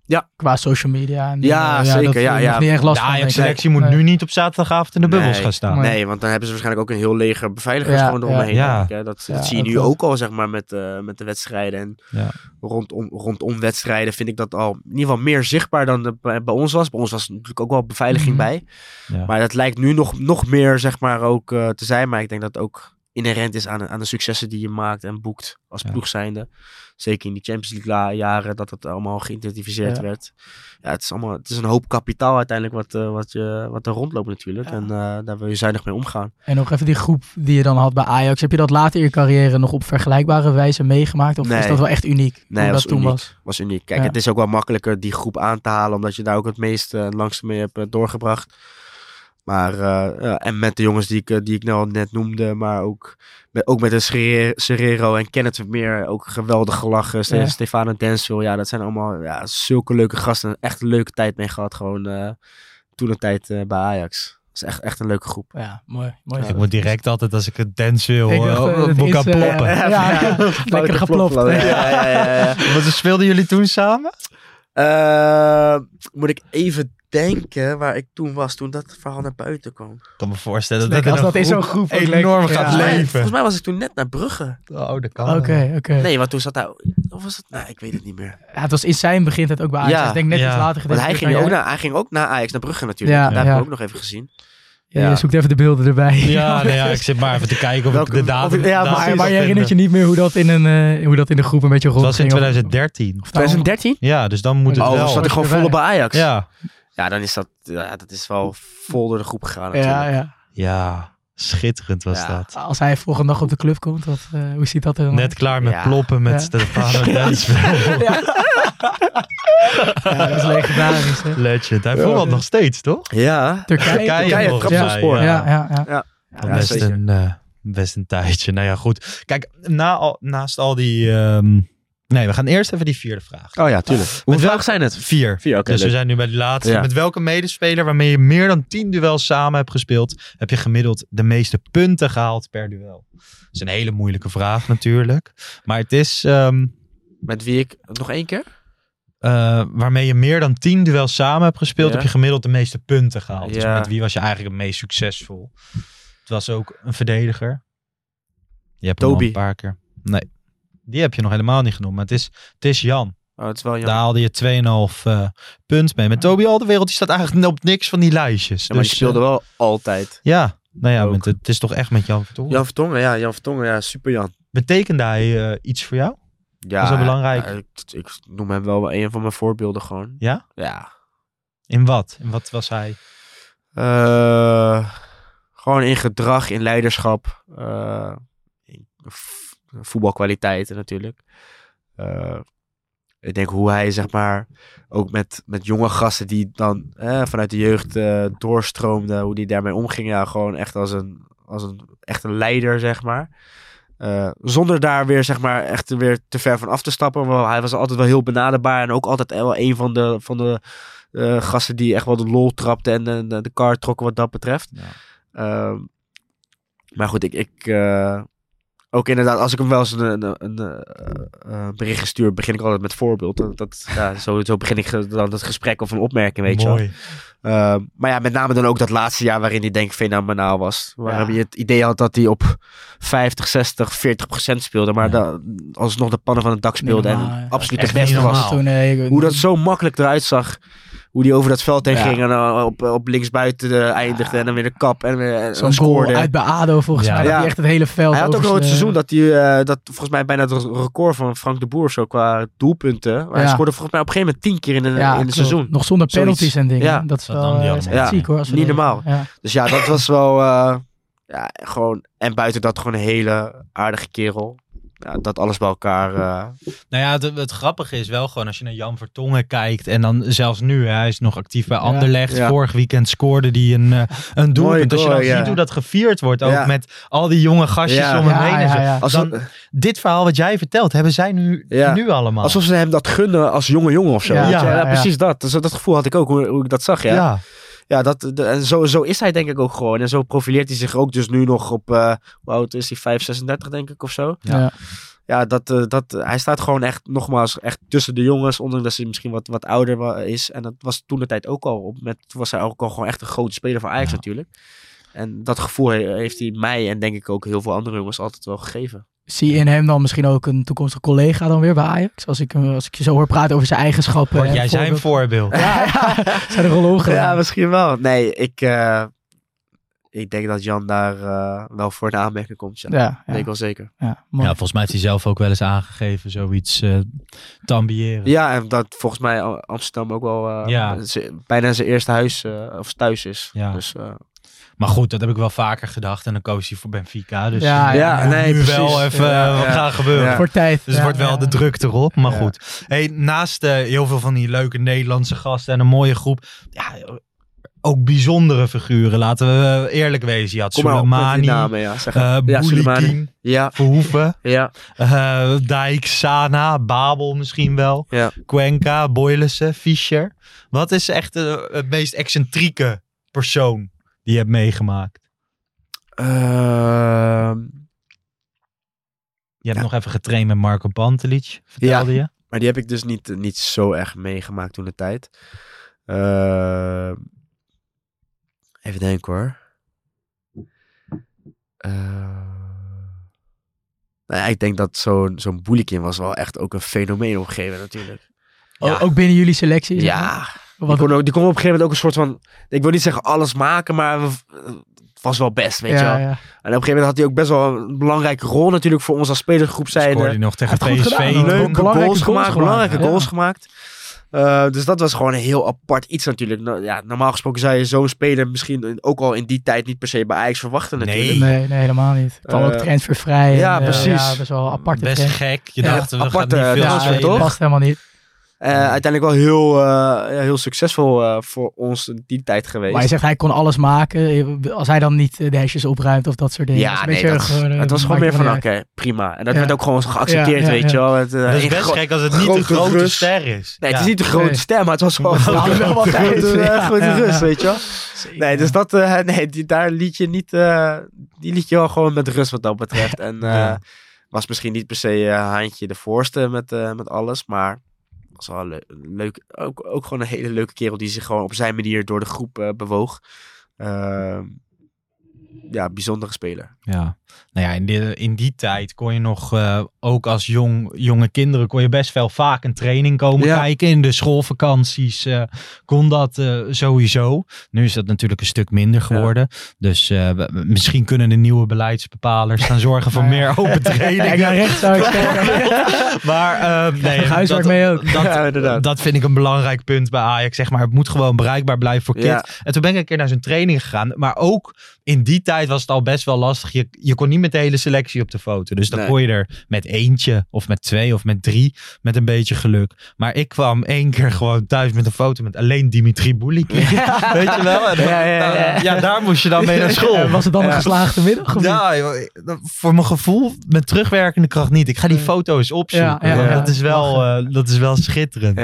Maar ja, dat is even- wel dit moment herinner ik me nu nog steeds. En Ja. voor mij als, als kind is dat heel Ja, belangrijk heel geweest. Ja. Net als die benefietwedstrijd Ja, voor jou. Dat je een voor van de 5 euro een kaartje kan. Ja, ja, inderdaad. absoluut. En dat is natuurlijk euro. hoe groter je wordt als club. Op een gegeven moment ben je bezig met wat er in China gebeurt en in Amerika en zo. Maar ja, het gaat natuurlijk ook om wat, Zeker. Er, wat er hier allemaal binding. Zeker. en zeker ja. nu, hè, in, de, in de periode, inmiddels volgens mij kan je al vijf jaar geen seizoenskaart meer kopen voor Ajax. Ja. Omdat iedereen verlengt gewoon, Ja. eh, zonder, zonder twijfel. Ja, maar ja, ja. Wanneer, wanneer gaan ze je dan zien? En bijvoorbeeld in de voorbereiding van dit seizoen is er geen oefenwedstrijd geweest met open publiek. Nee. Vroeger speelde je dan nog bij eh, de plaatselijke Ja, ja, ja, inderdaad. Vindt In de het, Lutte, eh, ja, ja, ja. Vorig jaar nog was het bijvoorbeeld in Oldenzaal zijn er gewoon twee potjes gespeeld. Alleen maar kinderen en zo. Volgens, Ja. Naar mijn mening is dat zo belangrijk Ja. dat, eh, dat je die contactpunten houdt. Maar goed. Ik eh, sla hem op. Ik Kijk, dat is toch, eh, dat is toch handig. Hey, je mooiste goal in dienst van Ajax. En dan voordat je het gaat beantwoorden, Thijs zei van Makkelijk. tevoren. Ja, ik denk, denk ja. ik. Feyenoord uit, toch? Tenminste. Ja, Ja. en dan die Kouai Jong. Ja, die was al ook, eh, die was ook maar vet. Ik denk in Dus, Ajax eh, 1 is dat wel ja. Feyenoord. eh. Ja, dat was, ja. Ja, die is gruwelijk. Want in, Scoren in, in, in de Ja. Kuip. binnen vijf minuten ja. ja. schiet Binnen vijf binnen. minuten. Hadden Ja. daarna die wedstrijd met 3, eh, 3-1, 4-1 moeten verliezen. Dat is echt een slechte klassieker. Ja, ja, Dat is niet ja. normaal. Nul kansen. Niet normaal. Ja. Dat is de enige wedstrijd na Fortuna en Ludo Goretz. dat Ajax nul kansen, kansen heeft Die expected goal lag daar Ja. ook niet. Ja, nee, zeker Nee. niet. Nee, zeker niet. Lasse Nee. Schöne was er niet, Lasse dus jij mocht hem nemen. Ik mocht hem nemen. Ja, ik had toch al eh, hier en daar wat eh, bewezen op de trainingen. Ja. Ondanks dat Kenneth dat na afloop niet echt kon beamen. Ja, die zei, hij schiet ze altijd Ja, naast. Hè? naast en over. Ja, Ja, ja, ja. Maar eh, dat is toch ook wel een beetje jammer. Maar goed, dat maakt niet uit. Kenneth Vermeer, hè, die Ja. stond in de goal. En, ja, aan de eh, grond genageld. ja. dus dat was wel eh, ja, geweldig moment. En dat is ook hetgeen waar 9 van de 10 keer op aangesproken wordt. Van, nou, nog steeds over de goal Ja. tegen Feyenoord, weet je, in de Ja. Kuip. Eh, in een volledig eh Feyenoord supporter eh, stadion zonder... Je wist ook heel even niet hoe je moest juichen. Nee. Als ik Nee, naar jou kijk, Nee. de eerste Ja. seconde denk je van ja, waar moet ik Ja, heen? ja, ja, en ja, ja, eigenlijk ja. leidt Davy Klaas een beetje ook de weg, want die rijdt, rent heel snel naast, me. je. Ja, ja, richting de dugout. Ja, dat, dat zaten de enige mensen Ja, die ja, Ja, je kan juichen juichen. überhaupt, Ja. ja. Maar, eh, maar goed, ja, het was inderdaad een, eh, een onverwacht moment natuurlijk. Maar des te mooier. En dan heb je nog dat filmpje dat jij, eh, jij geïnterviewd wordt in de, in de Kuip. En dat Ja. al die supporters Ja, zo ja, langs, die, langs die ruiten staan. En dat jij toch een beetje zegt van ja, nee, ik ben niet bang met jullie er allemaal bij. Nou, ik weet wat voor mensen er vaak in zo'n perszaaltje staan. Die ga je niet beveiligen. Was je echt niet bang of dacht je van nou, dit niet heel lekker om mij hier neer te zetten? Nou, nee, echt bang niet. Nee, ik bedoel, eh, ik, kon de, toen de tijd ook harder rennen. Dus eh rennen was altijd wel een goede optie geweest. optie. Nee, dus ik heb me nooit echt eh, heel erg, zeker niet bedreigd gevoeld. En eh, ja, het was ook gewoon een fantastische sfeer daar. Dat Ja. vijandige, hè. Vijf, bijna 50.000 man die tegen je is. En eh, ja, ja, nogmaals wat ik net zei, des te mooier dat je daar dan eh, die drie punten geheel onterecht mag meenemen. Waarin je zelf dus een matchwinnaar bent. Ja, je voelt je ook een beetje onoverwinnelijk dan, Ja, toch als je door die Dat kuip geloof ik komt. heel goed. Ja, tuurlijk. En dat maakt allemaal niet uit wat eh, aan- na afloop wordt gezegd en eh, wat er wordt geschreven. Nog even één andere goal die best wel is ondergesneeuwd, maar tegen PEC in die bekerfinale. Ja, dat ja, is ook, eh, gruwelijk. En Misschien qua goals die nog zelfs mooier. Mooier, ja, inderdaad. Ik denk Ja. hoe je die eh, qua techniek misschien raakt en Ja, hoe die gewoon, hè, hoe die voelde Ja. ja. en hoe die in die, in die kruising vliegt. Geweldig. Maar ja, dat, daar kleeft altijd aan dat je hem Die verliest. verloren finale. En ja, en niet, ook eh, de manier waarop. behoorlijk ook, ja, ja. ja, ja. Dus ja, dat was wel, eh, ja, Ja, zonde is dat eigenlijk. hè. dat was echt jammer man. Heb je daar ooit, ehm, nou, ik weet het antwoord nee, maar kan je daar enigszins je vinger op leggen wat daar gebeurt? Dus jullie komen voor, de wedstrijd wordt gestaakt, Staakt, stilgelegd, ja. omdat eh Ajax supporters vuurwerk op het veld gooien. Vervolgens komen jullie terug en je wordt echt van het kastje naar de muur gegooid. Ongelooflijk toch Door eigenlijk. Pek Zwolle. Ja, bizar hè. Ja, ja. Het was gewoon echt Ja. alsof de Terwijl ik wel vind, zeg maar, eh, eh, verhoudingsgewijs dat PEC toen de tijd best leuk elftal. Ja, had. goeie- goed zeker. voetballende ploeg. zeker. Maar goed, eh, zeg maar in verhouding van ons had je die, Ja. als je die 10 keer had gespeeld, had je die 8, 9 keer Ja. gewonnen natuurlijk. Ongelooflijk. En nul keer zo dik verloren. Ja, niet helemaal. 5-1 ja, gewoon. ja, dat is bizar hè? finale, Ja, ja. Maar dan, dan heb je bijna zoiets van ehm, karma, zeg maar, voor... Toch? Ja, Voor misschien wel. Ja, voor, ja, Zo dat gewoon- ja, ja, ja. Ja, ja, inderdaad. Dat kun je wel zeggen. Maar ja, de, eh, de- ze wilden dat volgens mij om eh, een deel van de supporters eh, zoveel mogelijk van de wedstrijd te kunnen laten zien. Dat ze Ja. het iets wat vertraagde. Maar Maar Heeft kan heel jij slecht ook, eh, want dat schiet nu weer, dat moet je ook kunnen als directeur. Kan jij goed roepen, kappen met die shit? Ja, ja, ja, even, Allemaal eh, dingen die je moet kunnen. Ja, het is nog niet zo makkelijk, hè? Kappen met die shit. Ja, over het algemeen heb ik geen moeite met woorden. Dus je zou het zeggen dat het moet lukken. Maar eh, shit, ja. nee, ik kan me voorstellen met, eh, met de emoties die erbij komen kijken dat het wat anders er komt. Ja, ja. Ja, ja ongelooflijk. Daar word je allemaal voor opgeleid. Ja, Precies, de Ja, komende maanden. Goed, uh, stemtraining. Ehm, ja, vaak hoor je, eh, Ajax speelt nu geen Champions League, maar Europa League. Je hebt ook op beide niveaus gespeeld. En je hebt ook heel vaak in transferperiodes van ja, nu gaan spelers naar Feyenoord, want ze spelen Champions Ja. League. De magie van de Champions League Ja. en, de, en de Europa League. En kan jij enigszins uitleggen wat nou dat verschil is? Nou, ik heb gehoord dat Nick, Nick Viergever, ik moet echt aan Nick Viergever denken over, het, over dat muziekje, zeg maar. Ja. dat, dat is natuurlijk wel een wereld van verschil. Ja, Ehm, het prachtige Champions League. ja, Nou ja, Ja. de, de hymne en hymne, het ja. Europa League kneuzige Ja, muziek. een soort van varen achter. Ja. Nee, maar gewoon het feit dat het gewoon hè, bijna het, het toernooi van de kampioenen van Europa. Ja, ik denk op clubvoetbal is dat gewoon het aller, allerhoogste wat je kunt bereiken op dat moment. En ik denk dat dat, die, dat, dat besef en die, eh, dat niveau spelers waar je dan tegenover komt te staan, ja, dat is iets van bijna onbereikbaar tot kort daarvoor, zeg Ja. maar. Wat je op dat moment dan meemaakt. En hè, het is ook weer het sfeertje van, van een avondwedstrijd, weet je wel. Dat, dat brengt ook iets speciaals met zich mee. Ehm, ja, en natuurlijk de groepen die je toen, de- toen de tijd ook trof. Ja, ja, niet dat- normaal. Hè. Ja. Jullie zaten, We zaten eh, Elke keer in de pool des doods. ja, en volgens mij drie, twee, drie seizoenen achter elkaar tegen Ja. Real of Ja. zoiets. Ja, Real veel, maar je had toen Ja. ook die pool met eh, eh, Dortmund, Dortmund, City, City en Milan. En Milan, Ja, ja. ja, Milan, ja, ja, ja. bizar. Ja, Ja, en ook de spelers die daar toen rondliepen. En, waren eh, ook inderdaad van ongekend niveau natuurlijk. Heb je tegenstander toen uit die tijd dat je denkt van, die was niet normaal?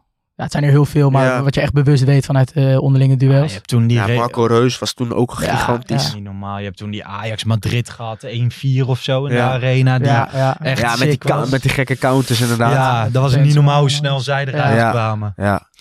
Dat waren echt nog in de tijd dat, eh, dat ik met papa mee mocht met een paspartout, weet je. Ja, Ging ja, alleen, ja. Mocht ik alleen naar de Champions League Ja. wedstrijden. Nou ja, dat nee, maar dat, is, dat, dat, dat alles eromheen, dat is gewoon het gevoel. Maar ook natuurlijk de aanloop en zo, weet je wel. En eh, hetzelfde geldt ook voor de uitwedstrijden. Dat je gewoon eh, twee, of een dag, twee dagen van tevoren er naartoe gaat. eh, trainen al in, in dat stadion, Ja. een dag van, de avond van tevoren. Ja, dat, dat alles, dat is gewoon zo speciaal. En je weet gewoon, oké, dit is het hoogst haalbare op Ja. clubniveau. Punt. En zo'n wedstrijddag is dat dan lekker? Want je zegt avondwedstrijd wel een mooie Ja. ambiance, maar de, die dag is dan lang- wel heel lange lang. aanloop, Ja, weet je wel. ja. Echt wel een lange aanloop, waardoor je ook misschien wel wat, dus wat langer last kunt hebben van de zenuwen. Zeker op het moment dat je dit voor het eerste keer meemaakt Ja. natuurlijk. Eh, ja, het waren, wel, het waren wel lange dagen inderdaad, waarin het was van hè, rusten, eten, stukje wandelen, Ja, weer rusten, ja. eten Ja, en weet dan je, de wedstrijd. Beetje Dus ja, tijd rekken de hele Doen Ja. ze dat ja. eigenlijk nog? Dat wandelen door de stad? Ja, ja, gebeurt nog steeds wel. Je Want ziet, v- eh, in bij jullie zag je altijd meer, maar- foto's van jullie die aan het wandelen waren Ja. door de stad. Die zie je niet meer nee, vaak. het ligt een beetje ook waar, eh, hoe vijandig het is. En de supporters, Ja. of ze er ook. Wat was de mooiste Barcelona thuis? ja, Jullie wonnen? ja, ik denk het wel. Ook gewoon het verloop van de wedstrijd inderdaad. Wat natuurlijk gewoon hè, met de rode kaart door mij toedoen. Ja. Eh, maar ja, dat resultaat, iets wat, wat niemand had verwacht, dat je dat dan Nee. flikt. Eh, het zij zonder Messi erbij, Ja. volgens mij. Maar dan nog Ze met waren eh, al, Ja, wel veel andere grote heel veel namen grote nog, spelers. Die, eh, heel veel ja, grote spelers. Ja. Xavi, Ja, Serrero. Iniesta, ja. Ja, ja. Hoesen. Ja, ja, dat was aan de andere Ja, kant. Ja, ja, bizar, ja, bizar toch? dat je Ja. daarmee kan winnen natuurlijk Ja. nog steeds. En ja. Trafford vond ik ook wel vet. Ja? Europa League toen. Toen we één goal tekort kwamen, weet je wel. Toen Ja. wonnen we op Old Trafford. Eén goal tekort. Ja. Dat was ook mijn eerste jaar natuurlijk. Speelde ik net eh, een paar maanden bij Ajax. In het eerste dan. Dat is ook iets wat En mij altijd bouw blijft. Uit. Toen wonnen, ze- wonnen jullie ook. Wonnen we ook, ja. Met eh Lyon. Ja, ja, kopgoals. Ja. Ja. Maar dat brengt mij niet, niet per se een heel speciaal, speciaal gevoel of zo. Bizar. Ja, veel, mooie wedstrijden mogen Veel mogen mooie spelen. pools. Ja. Ehm, even kijken. Je hebt uiteindelijk natuurlijk ook acht Interlands gespeeld. Ja. Met, eh, met Van Gaal. Ja. Onder Van Gaal. Nou ja, ik kan me voorstellen. Hij natuurlijk succesvol geweest eh, bij Ajax. Niet dat je daar dan direct aan denkt. Maar is dat een beetje de, de kroon op je carrière geweest? De Interlands? Ja, ik denk het wel. Ja, ik denk dat als je uiteindelijk dan op het veld staat met, eh, met Wesley Sneijder, Robben, Van Persie nog, die lichting, weet je wel. Ja, ook zoiets bizars. En, eh, het, vanuit Leiden natuurlijk een heel klein stukje richting Noordwijk, Huis de Duin. Mhm. Ja, dat je dat ritje dan een keertje mag maken en dan mag, mag melden bij het Nederlands elftal. Ja, niet te beschrijven gewoon, weet je wel. Dat zie je jarenlang op tv, weet je wel, dat die aankomsten daar zo. En dat je dan nu zelf daar naartoe mag rijden eh, vanuit, eh, vanuit je ouderlijk huis toen de tijd zelfs nog. Ja, dat is, dat is natuurlijk geweldig. En eh, zeker een kroon. Jammer genoeg geen toernooi meegemaakt. Maar ja, goed. Acht interlands. Goede trainer. Goede spelers. Ja, naar ervaring op zich. Het is toch wel grappig, hè? Want deze podcast komt uit in een interlandperiode. Ja. Onze, onze luisteraars slash kijkers, inclusief ikzelf. Ik weet niet hoe dat met jou zit. Ik hou niet echt van het Nederlands zelf. In Nederland is dat toch raar. Zeg maar, ik snap de magie van het Nederlands zelf Ja. nooit. Totdat het een eindtoernooi is. Want Ja, tegen precies. Argentinië, volgens mij, was jij er toen. Dan schreeuwden we de longen uit als lijf. Ja. Nou, Ja. jij, jij bent dan alsnog wel redelijk rustig. Nou, maar nou, volgens mij heb ik wel even een kreet gelaten hoor. Klein kreetje? Ja, Ja. ik weet het niet meer. Ik Ja. kan drinken over iedereen. Ja. Wel. Ja. Maar eh, heb jij dat ook? Ja, het- bij mij wordt het steeds minder eigenlijk eerlijk gezegd. Ik was heel jong toen WK 2010. Dat is een van de eerste eh, bewuste voetbalherinneringen. Dus dan, ja, dan is het wel echt de magie van het Nederlands elftal. Ja, 2012 was minder, maar 2014 ook weer top natuurlijk. En toen kwam eigenlijk die donkere periode van Oranje. En toen heb ik ook de, de liefde met Oranje een beetje verloren. Nu ook het huidige Nederlands elftal met de bepaalde keuzes die Koeman maakte. En ook helemaal niet aantrekkelijk om naar Nee. te kijken, zeg maar. Dus dan, ja. Ja. Maar zodra ze straks weer goed voetballen, dan ben je er Dan ook wel weer klein maar dat Ja. heb jij ook dus. Niet echt per se houden van oranje. Ja, gewoon Ja. ik hou van Ajax. Ja, precies. En Ja. eh, ik snap, ik probeer altijd een beetje vat te krijgen op wat het nou zo speciaal maakt om je daar te melden. Snap je? Nou, daarom. dat, dat- als speler begrijp ik dat wel. Je bent Ja, de dat beste is toch van ja, land. dat is inderdaad- van- Ja, ja. Als Beste je- van heel Nederland, ja, hè? nee, exact. Ja, dat, dat snap ik is- wel. Dat brengt veel trots Ja. met zich mee natuurlijk. Ja. Ja, dat, dat Heb is... jij dat niet? Als jij Nou ja, ik zou me dat liever melden bij Ajax 1. Ja. Of zo. Gewoon, ik denk dat dat moment... Maar ik, Ja, ja, ja. ik weet dat het an- anders is. Hey, je was eh, 3,5 jaar onbetwist basisspeler. En eh, ja, toch wel rechts, rechtsback fabriek Ajax. Ja, hè, van, ja. van de wiel. Maar jij werd afgelost door Kenny Teten. Ja. Die eh, nog steeds actief is in de Premier League. Ja. Samen met Joel Veldman, die ook jouw concurrent was. Was het moeilijk als je afgelost wordt, zeg maar? Ja, tuurlijk. Ja, zeker als je inderdaad, wat je al zei, daarvoor soort van onbetwist eh, bent voor een langere periode. Ja, dat is denk ik ook... eh, dat heeft er misschien ook wel een beetje mee te maken. Hè? Ik, ik heb inderdaad echt wel een periode gehad waar, waarvan ik zeg maar geen, geen druk voelde van een, van, een, eh, van een concurrent, zeg maar. En ik wil niet zeggen dat als dat er wel was, dat ik dan misschien eh, wel Barcelona had gehaald. Nee, natuurlijk niet. Maar ik, je, je kunt je voorstellen dat je toch en misschien is het gek om te zeggen dat je af en toe dan een beetje eh, gemakkelijk wordt in, in houding, in gedrag. En nogmaals, het feit dat je dan eh, even een periode hebt dat je gewoon comfortabel bent in je, in je situatie bij Ajax binnen een groep. Dat je weet dat je misschien de enige serieuze optie bent op dat moment. Maar goed, ja, hoe langer het duurt dat je niet presteert, ja, dan is het een kwestie van tijd totdat er iemand natuurlijk op de deur komt kloppen. En eh, dat was in mijn geval ook zo. Duveltje Ja. uit een doosje. Ben je toen gaan vechten voor je plek of was je geen vechtertje? Ja, wel. Ja, zeker wel. Ik, eh, ik, ik, heb, ik, heb, ik heb uiteindelijk... Natuurlijk heb ik eh, te maken gehad met teleurstelling. En daar had ik eh, echt wel even een paar weken gewoon wel last van. Maar daarna ook altijd weer gewoon het besef van... Oké, hey, je weet wat je hebt laten zien qua prestaties. Welk niveau je hebt aangetikt. je hebt oranje gehaald.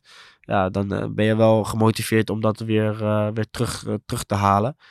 Ja, of dat gelukt is, weet ik niet. Maar...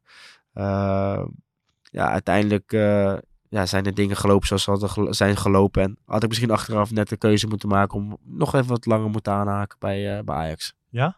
In plaats van naar eh, Club gaan. Ja. Want, goed, je had kunnen blijven nog ook die periode. Ja hoor, zeker. Ja. Het was zeker niet het geval dat, Ja. dat Peter Bos zoiets had van oké, eh, Het is beslist. het is beslist en je moet, moet vertrekken. Natuurlijk had hij wel ook een bepaalde volgorde in zijn in zijn Mhm. hoofd. Maar je zag ook, eh, eh, Kenny Tater was op een gegeven moment onbetwist eh, in de situatie met mij en Frank de Boer. Ja. Ja, Bos kwam en die zocht toch een net ander soort type rechtsback. Waarin Joel uiteindelijk Ja. daar heel lang komt te spelen. En Tate uiteindelijk heel weinig of veel minder dan verwacht speelde onder Peter Bos dat seizoen.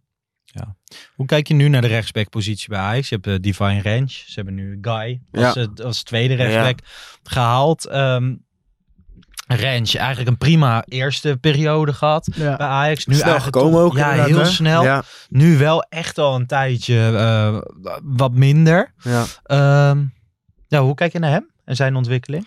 ja no- ik, ik, ik, nogmaals, eh, deels heel herkenbaar natuurlijk. eh, gezien het feit dat hij gewoon ook heel snel is gekomen. En ook zeker in de eerste wedstrijden, eerste weken. dat je zoiets had van oké, nou goed, hè, die positie is voor de komende jaren wel weer goed ingevuld. Ja. Eh, ja, aan de andere kant ook weer herkenbaar. eh, de dip die hij misschien eh, heeft, heeft gekend of waar hij misschien nu in zit. Ja, dat kun je denk ik misschien wel stellen dat hij nu niet zijn beste voetbal speelt natuurlijk. Maar goed, dat heeft denk ik ook wel deels te maken met, met de groep waarin die, waarin die speelt. Ja. En ja, ik, ik hoop gewoon dat die, dat die jongen uiteindelijk wel weer heel snel zijn niveau gaat pakken. En Ajax heeft natuurlijk ingespeeld op, op, een, op een concurrent die ze dan vanuit buiten afhalen. Dus je zou denken dat dat het wel, wel weer het, het vuurtje aan zal wakkeren de komende tijd. Eh, nou, ik hoop dat het bij hem in zijn kopje dat, eh, dat het ook gewoon goed zit. Ik denk Ja. dat dat het Ja, wat, ik nu zit te denken van je schetst zo van het is best wel herkenbaar traject waar hij nu doorheen gaat, wat je zelf ook hebt doorlopen. Is er misschien nog optie dat jij even met hem gaat zitten of dat je, hoe dicht zit jij op die selectie? Zeg maar? Oh, nu op dit moment helemaal niet Nee, hoor. nee, je bent net begonnen zeker niet. Nee, maar kijk, ik, eh, well, ja, dat, dat, is, dat is moeilijk te zeggen. Kijk, ik zal zeker wel de komende maanden en vaker bij op de toekomst zijn en in de arena. En ik ga ook zeker wel proberen om gewoon af en toe lekker een training te kijken Ja. eh, op, op de toekomst. Ja, ik denk dat zoiets gewoon heel natuurlijk moet zijn eh, en ja, moet gaan. eh, wil je ook niet opdringen. Ik wil me zeker niet natuurlijk. opdringen of, of ergens per se mee bemoeien. Maar ja, goed, als, als hij daar eventueel behoefte aan heeft en ik kan op dat moment een bepaald klankbord zijn voor hem, weten wat hij, wat hij echt wel wat hij meemaakt. Ja.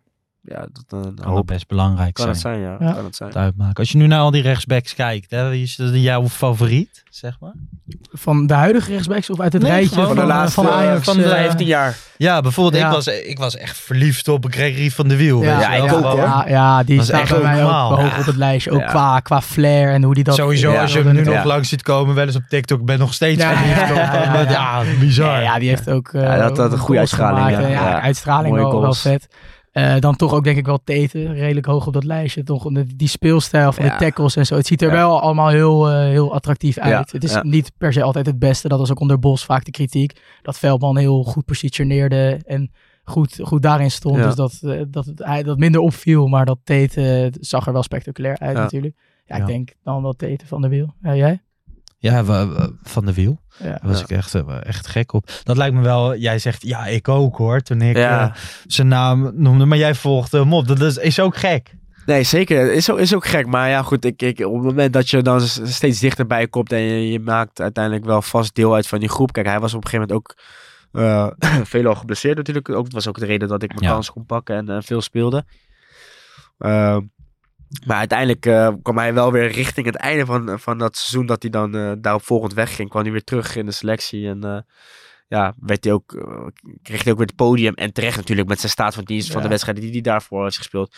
kwam hij weer terug in de basis. En dan kon je dan gewoon als jonge jongen, kon je dat natuurlijk ten eerste heel Ja. goed accepteren. En ja, het feit dat je daar dan probeerde van te leren en te zien op deze afstand hoe, die, hoe hij dat deed. En eh, ja, dat, dat was voor mij ook, eh, wat dat betreft, was ik zeker wel een voorbeeld. Ja, voor jou kon het heel goed een voorbeeld zijn. En voor hem was jij waarschijnlijk op een gegeven moment een beetje irritant. Ja, ja, misschien Ja. wel. Maar goed, ik denk niet dat Greg dat ooit zo heeft gezien. En eh, wat dat betreft was dat wel fijn natuurlijk op een gegeven moment. Van, hey, op het moment toen dat ik mijn kans pakte, was het wel ook al het, eh, het moment voor Greg dat hij al dacht aan het buitenland, denk ik. Hij speelde al het Nederlands elftal heel goed. WK had hij al Ja. achter de rug, et cetera.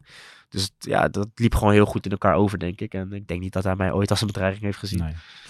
Hey, ehm, ik heb nog ehm, een paar afsluitende vragen. En ik, ik wil je helemaal geen woorden in de mond leggen of dingen vragen over het Ajax van nu. Uh-huh. Met, met oog op de toekomst. Maar ehm, Aangezien ik nu eh, officieel werknemer ben. ja, ja, oppassen, precies. hè. Nee, maar het is wel zo. Altijd als wij om eh, mensen vragen die bij Ajax werken in Ja. de podcast, dat mag nooit. Ja. Dus nu hebben we weer een maasje in de weg. Ja, ja, ja. En zo zullen we die ook altijd blijven Ja, vinden, ja, ja, ja, mensen bij ja, Ajax. En eh, kijk, en dan gaat dat hartstikke prima. Dus jullie hoeven niet bang te zijn voor de Pantelietje podcast wat dat Nee. betreft. Maar als je een ding zou mogen veranderen of behouden in de jeugdopleiding bij Ajax, wat zou dat dan zijn?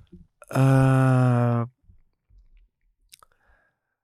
eh, dat is een goede vraag, zeg. Zeker ook omdat ik nu natuurlijk alweer een aantal jaren weg van de toekomst ben. Eh, nou, ik denk toch dat stukje, en ik weet niet hoe dat er nu voor staat, maar dat stukje mentale begeleiding en bewustwording ook voor, voor spelers, zowel voor dingen in het veld, maar ook daarbuiten. Eh, ik hoop dat dat op dit moment goed is. Maar Ja. dat, dat durf ik niet te zeggen, dat weet ik gewoon niet. Eh, ja, en wat ik, wat ik zou willen behouden, eh, vooral de gedachtegang van hoe op de toekomst gekeken wordt naar, naar de jeugdopleiding en hoe de jeugdopleiding toegepast moet worden in het eerste elftal, dat dat altijd hetzelfde blijft. Ja. Ik denk dat dat ook nu op dit moment niet anders is. Eh, maar goed, dat daar dus eh, ja, dat daar andere keuzes worden gemaakt natuurlijk. Ja, daar zullen niet, eh, zal niet iedereen die op de toekomst loopt eh, even blij mee zijn. Ja, dat is ook de realiteit. Maar snap jij dat dan? Dat niet iedereen daar op dit moment even blij mee is. Want ik zeg Zeker. altijd goed genoeg is oud genoeg, maar ook andersom. Nee, zeker. Maar ik denk dat alles en iedereen die op de toekomst werkt of met de spelers werkt of de speler zelf. Ja, alles is geënt natuurlijk op, de, op het eerste elftal. Ja. Dus ja, op het moment dat er dus of een seizoen of een paar jaar lang eh, dat niet het geval is. Ja, dat dat, dat wel eh, ja, vervelend kan zijn voor de mensen die daar elke dag hun best voor doen en het, echt het uiterste eruit halen. En waarin ook eh, een, heleboel, een heleboel centjes in omgaan.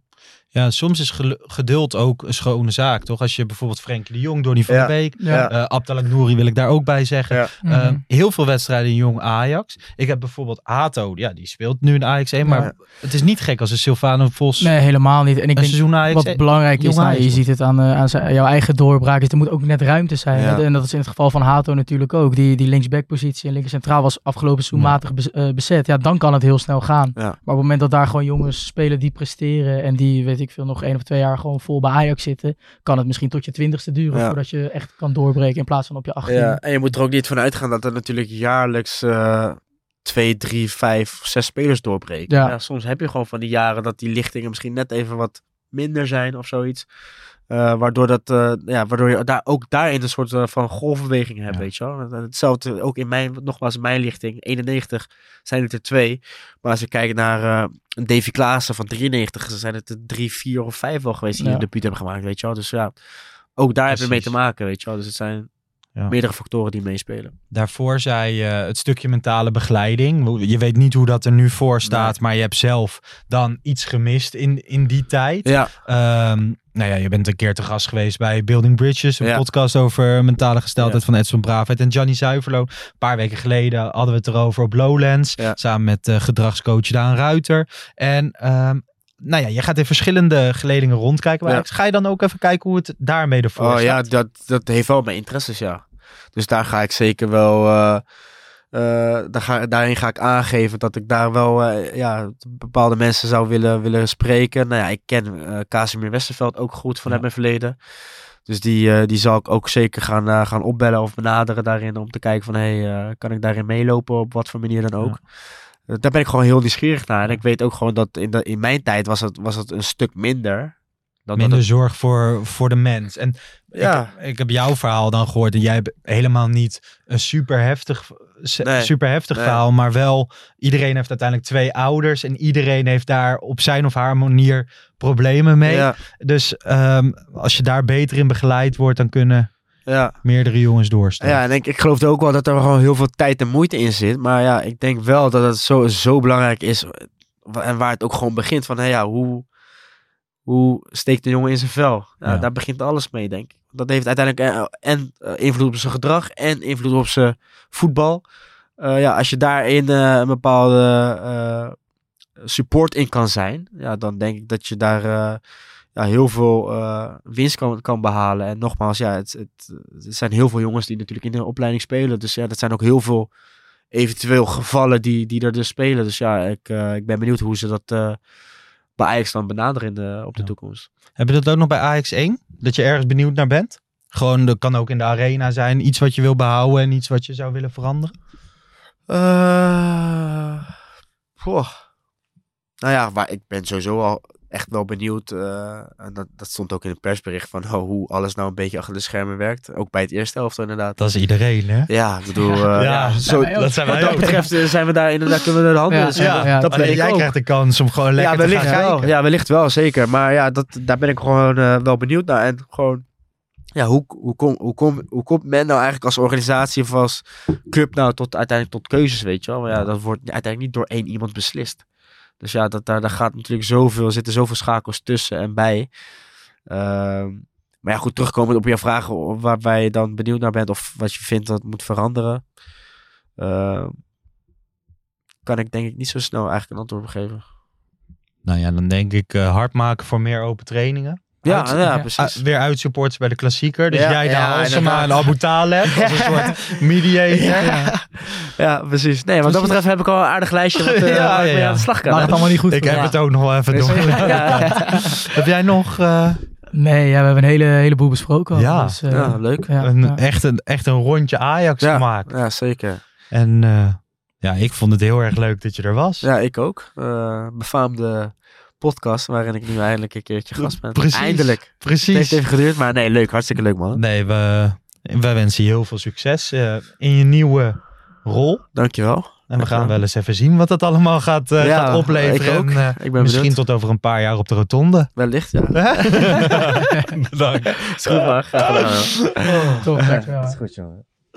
Mensen, bedankt voor het luisteren. Volgende week zijn we er gewoon weer met een reguliere Pantelietje podcast. Aankomende, aankomend weekend zijn we er dan weer met een wedstrijdeditie. Ja, ja, hè? als je dit luistert wel. Ja, precies, klopt. als je dit luistert wel. Nou ja, tot de volgende. De ballen.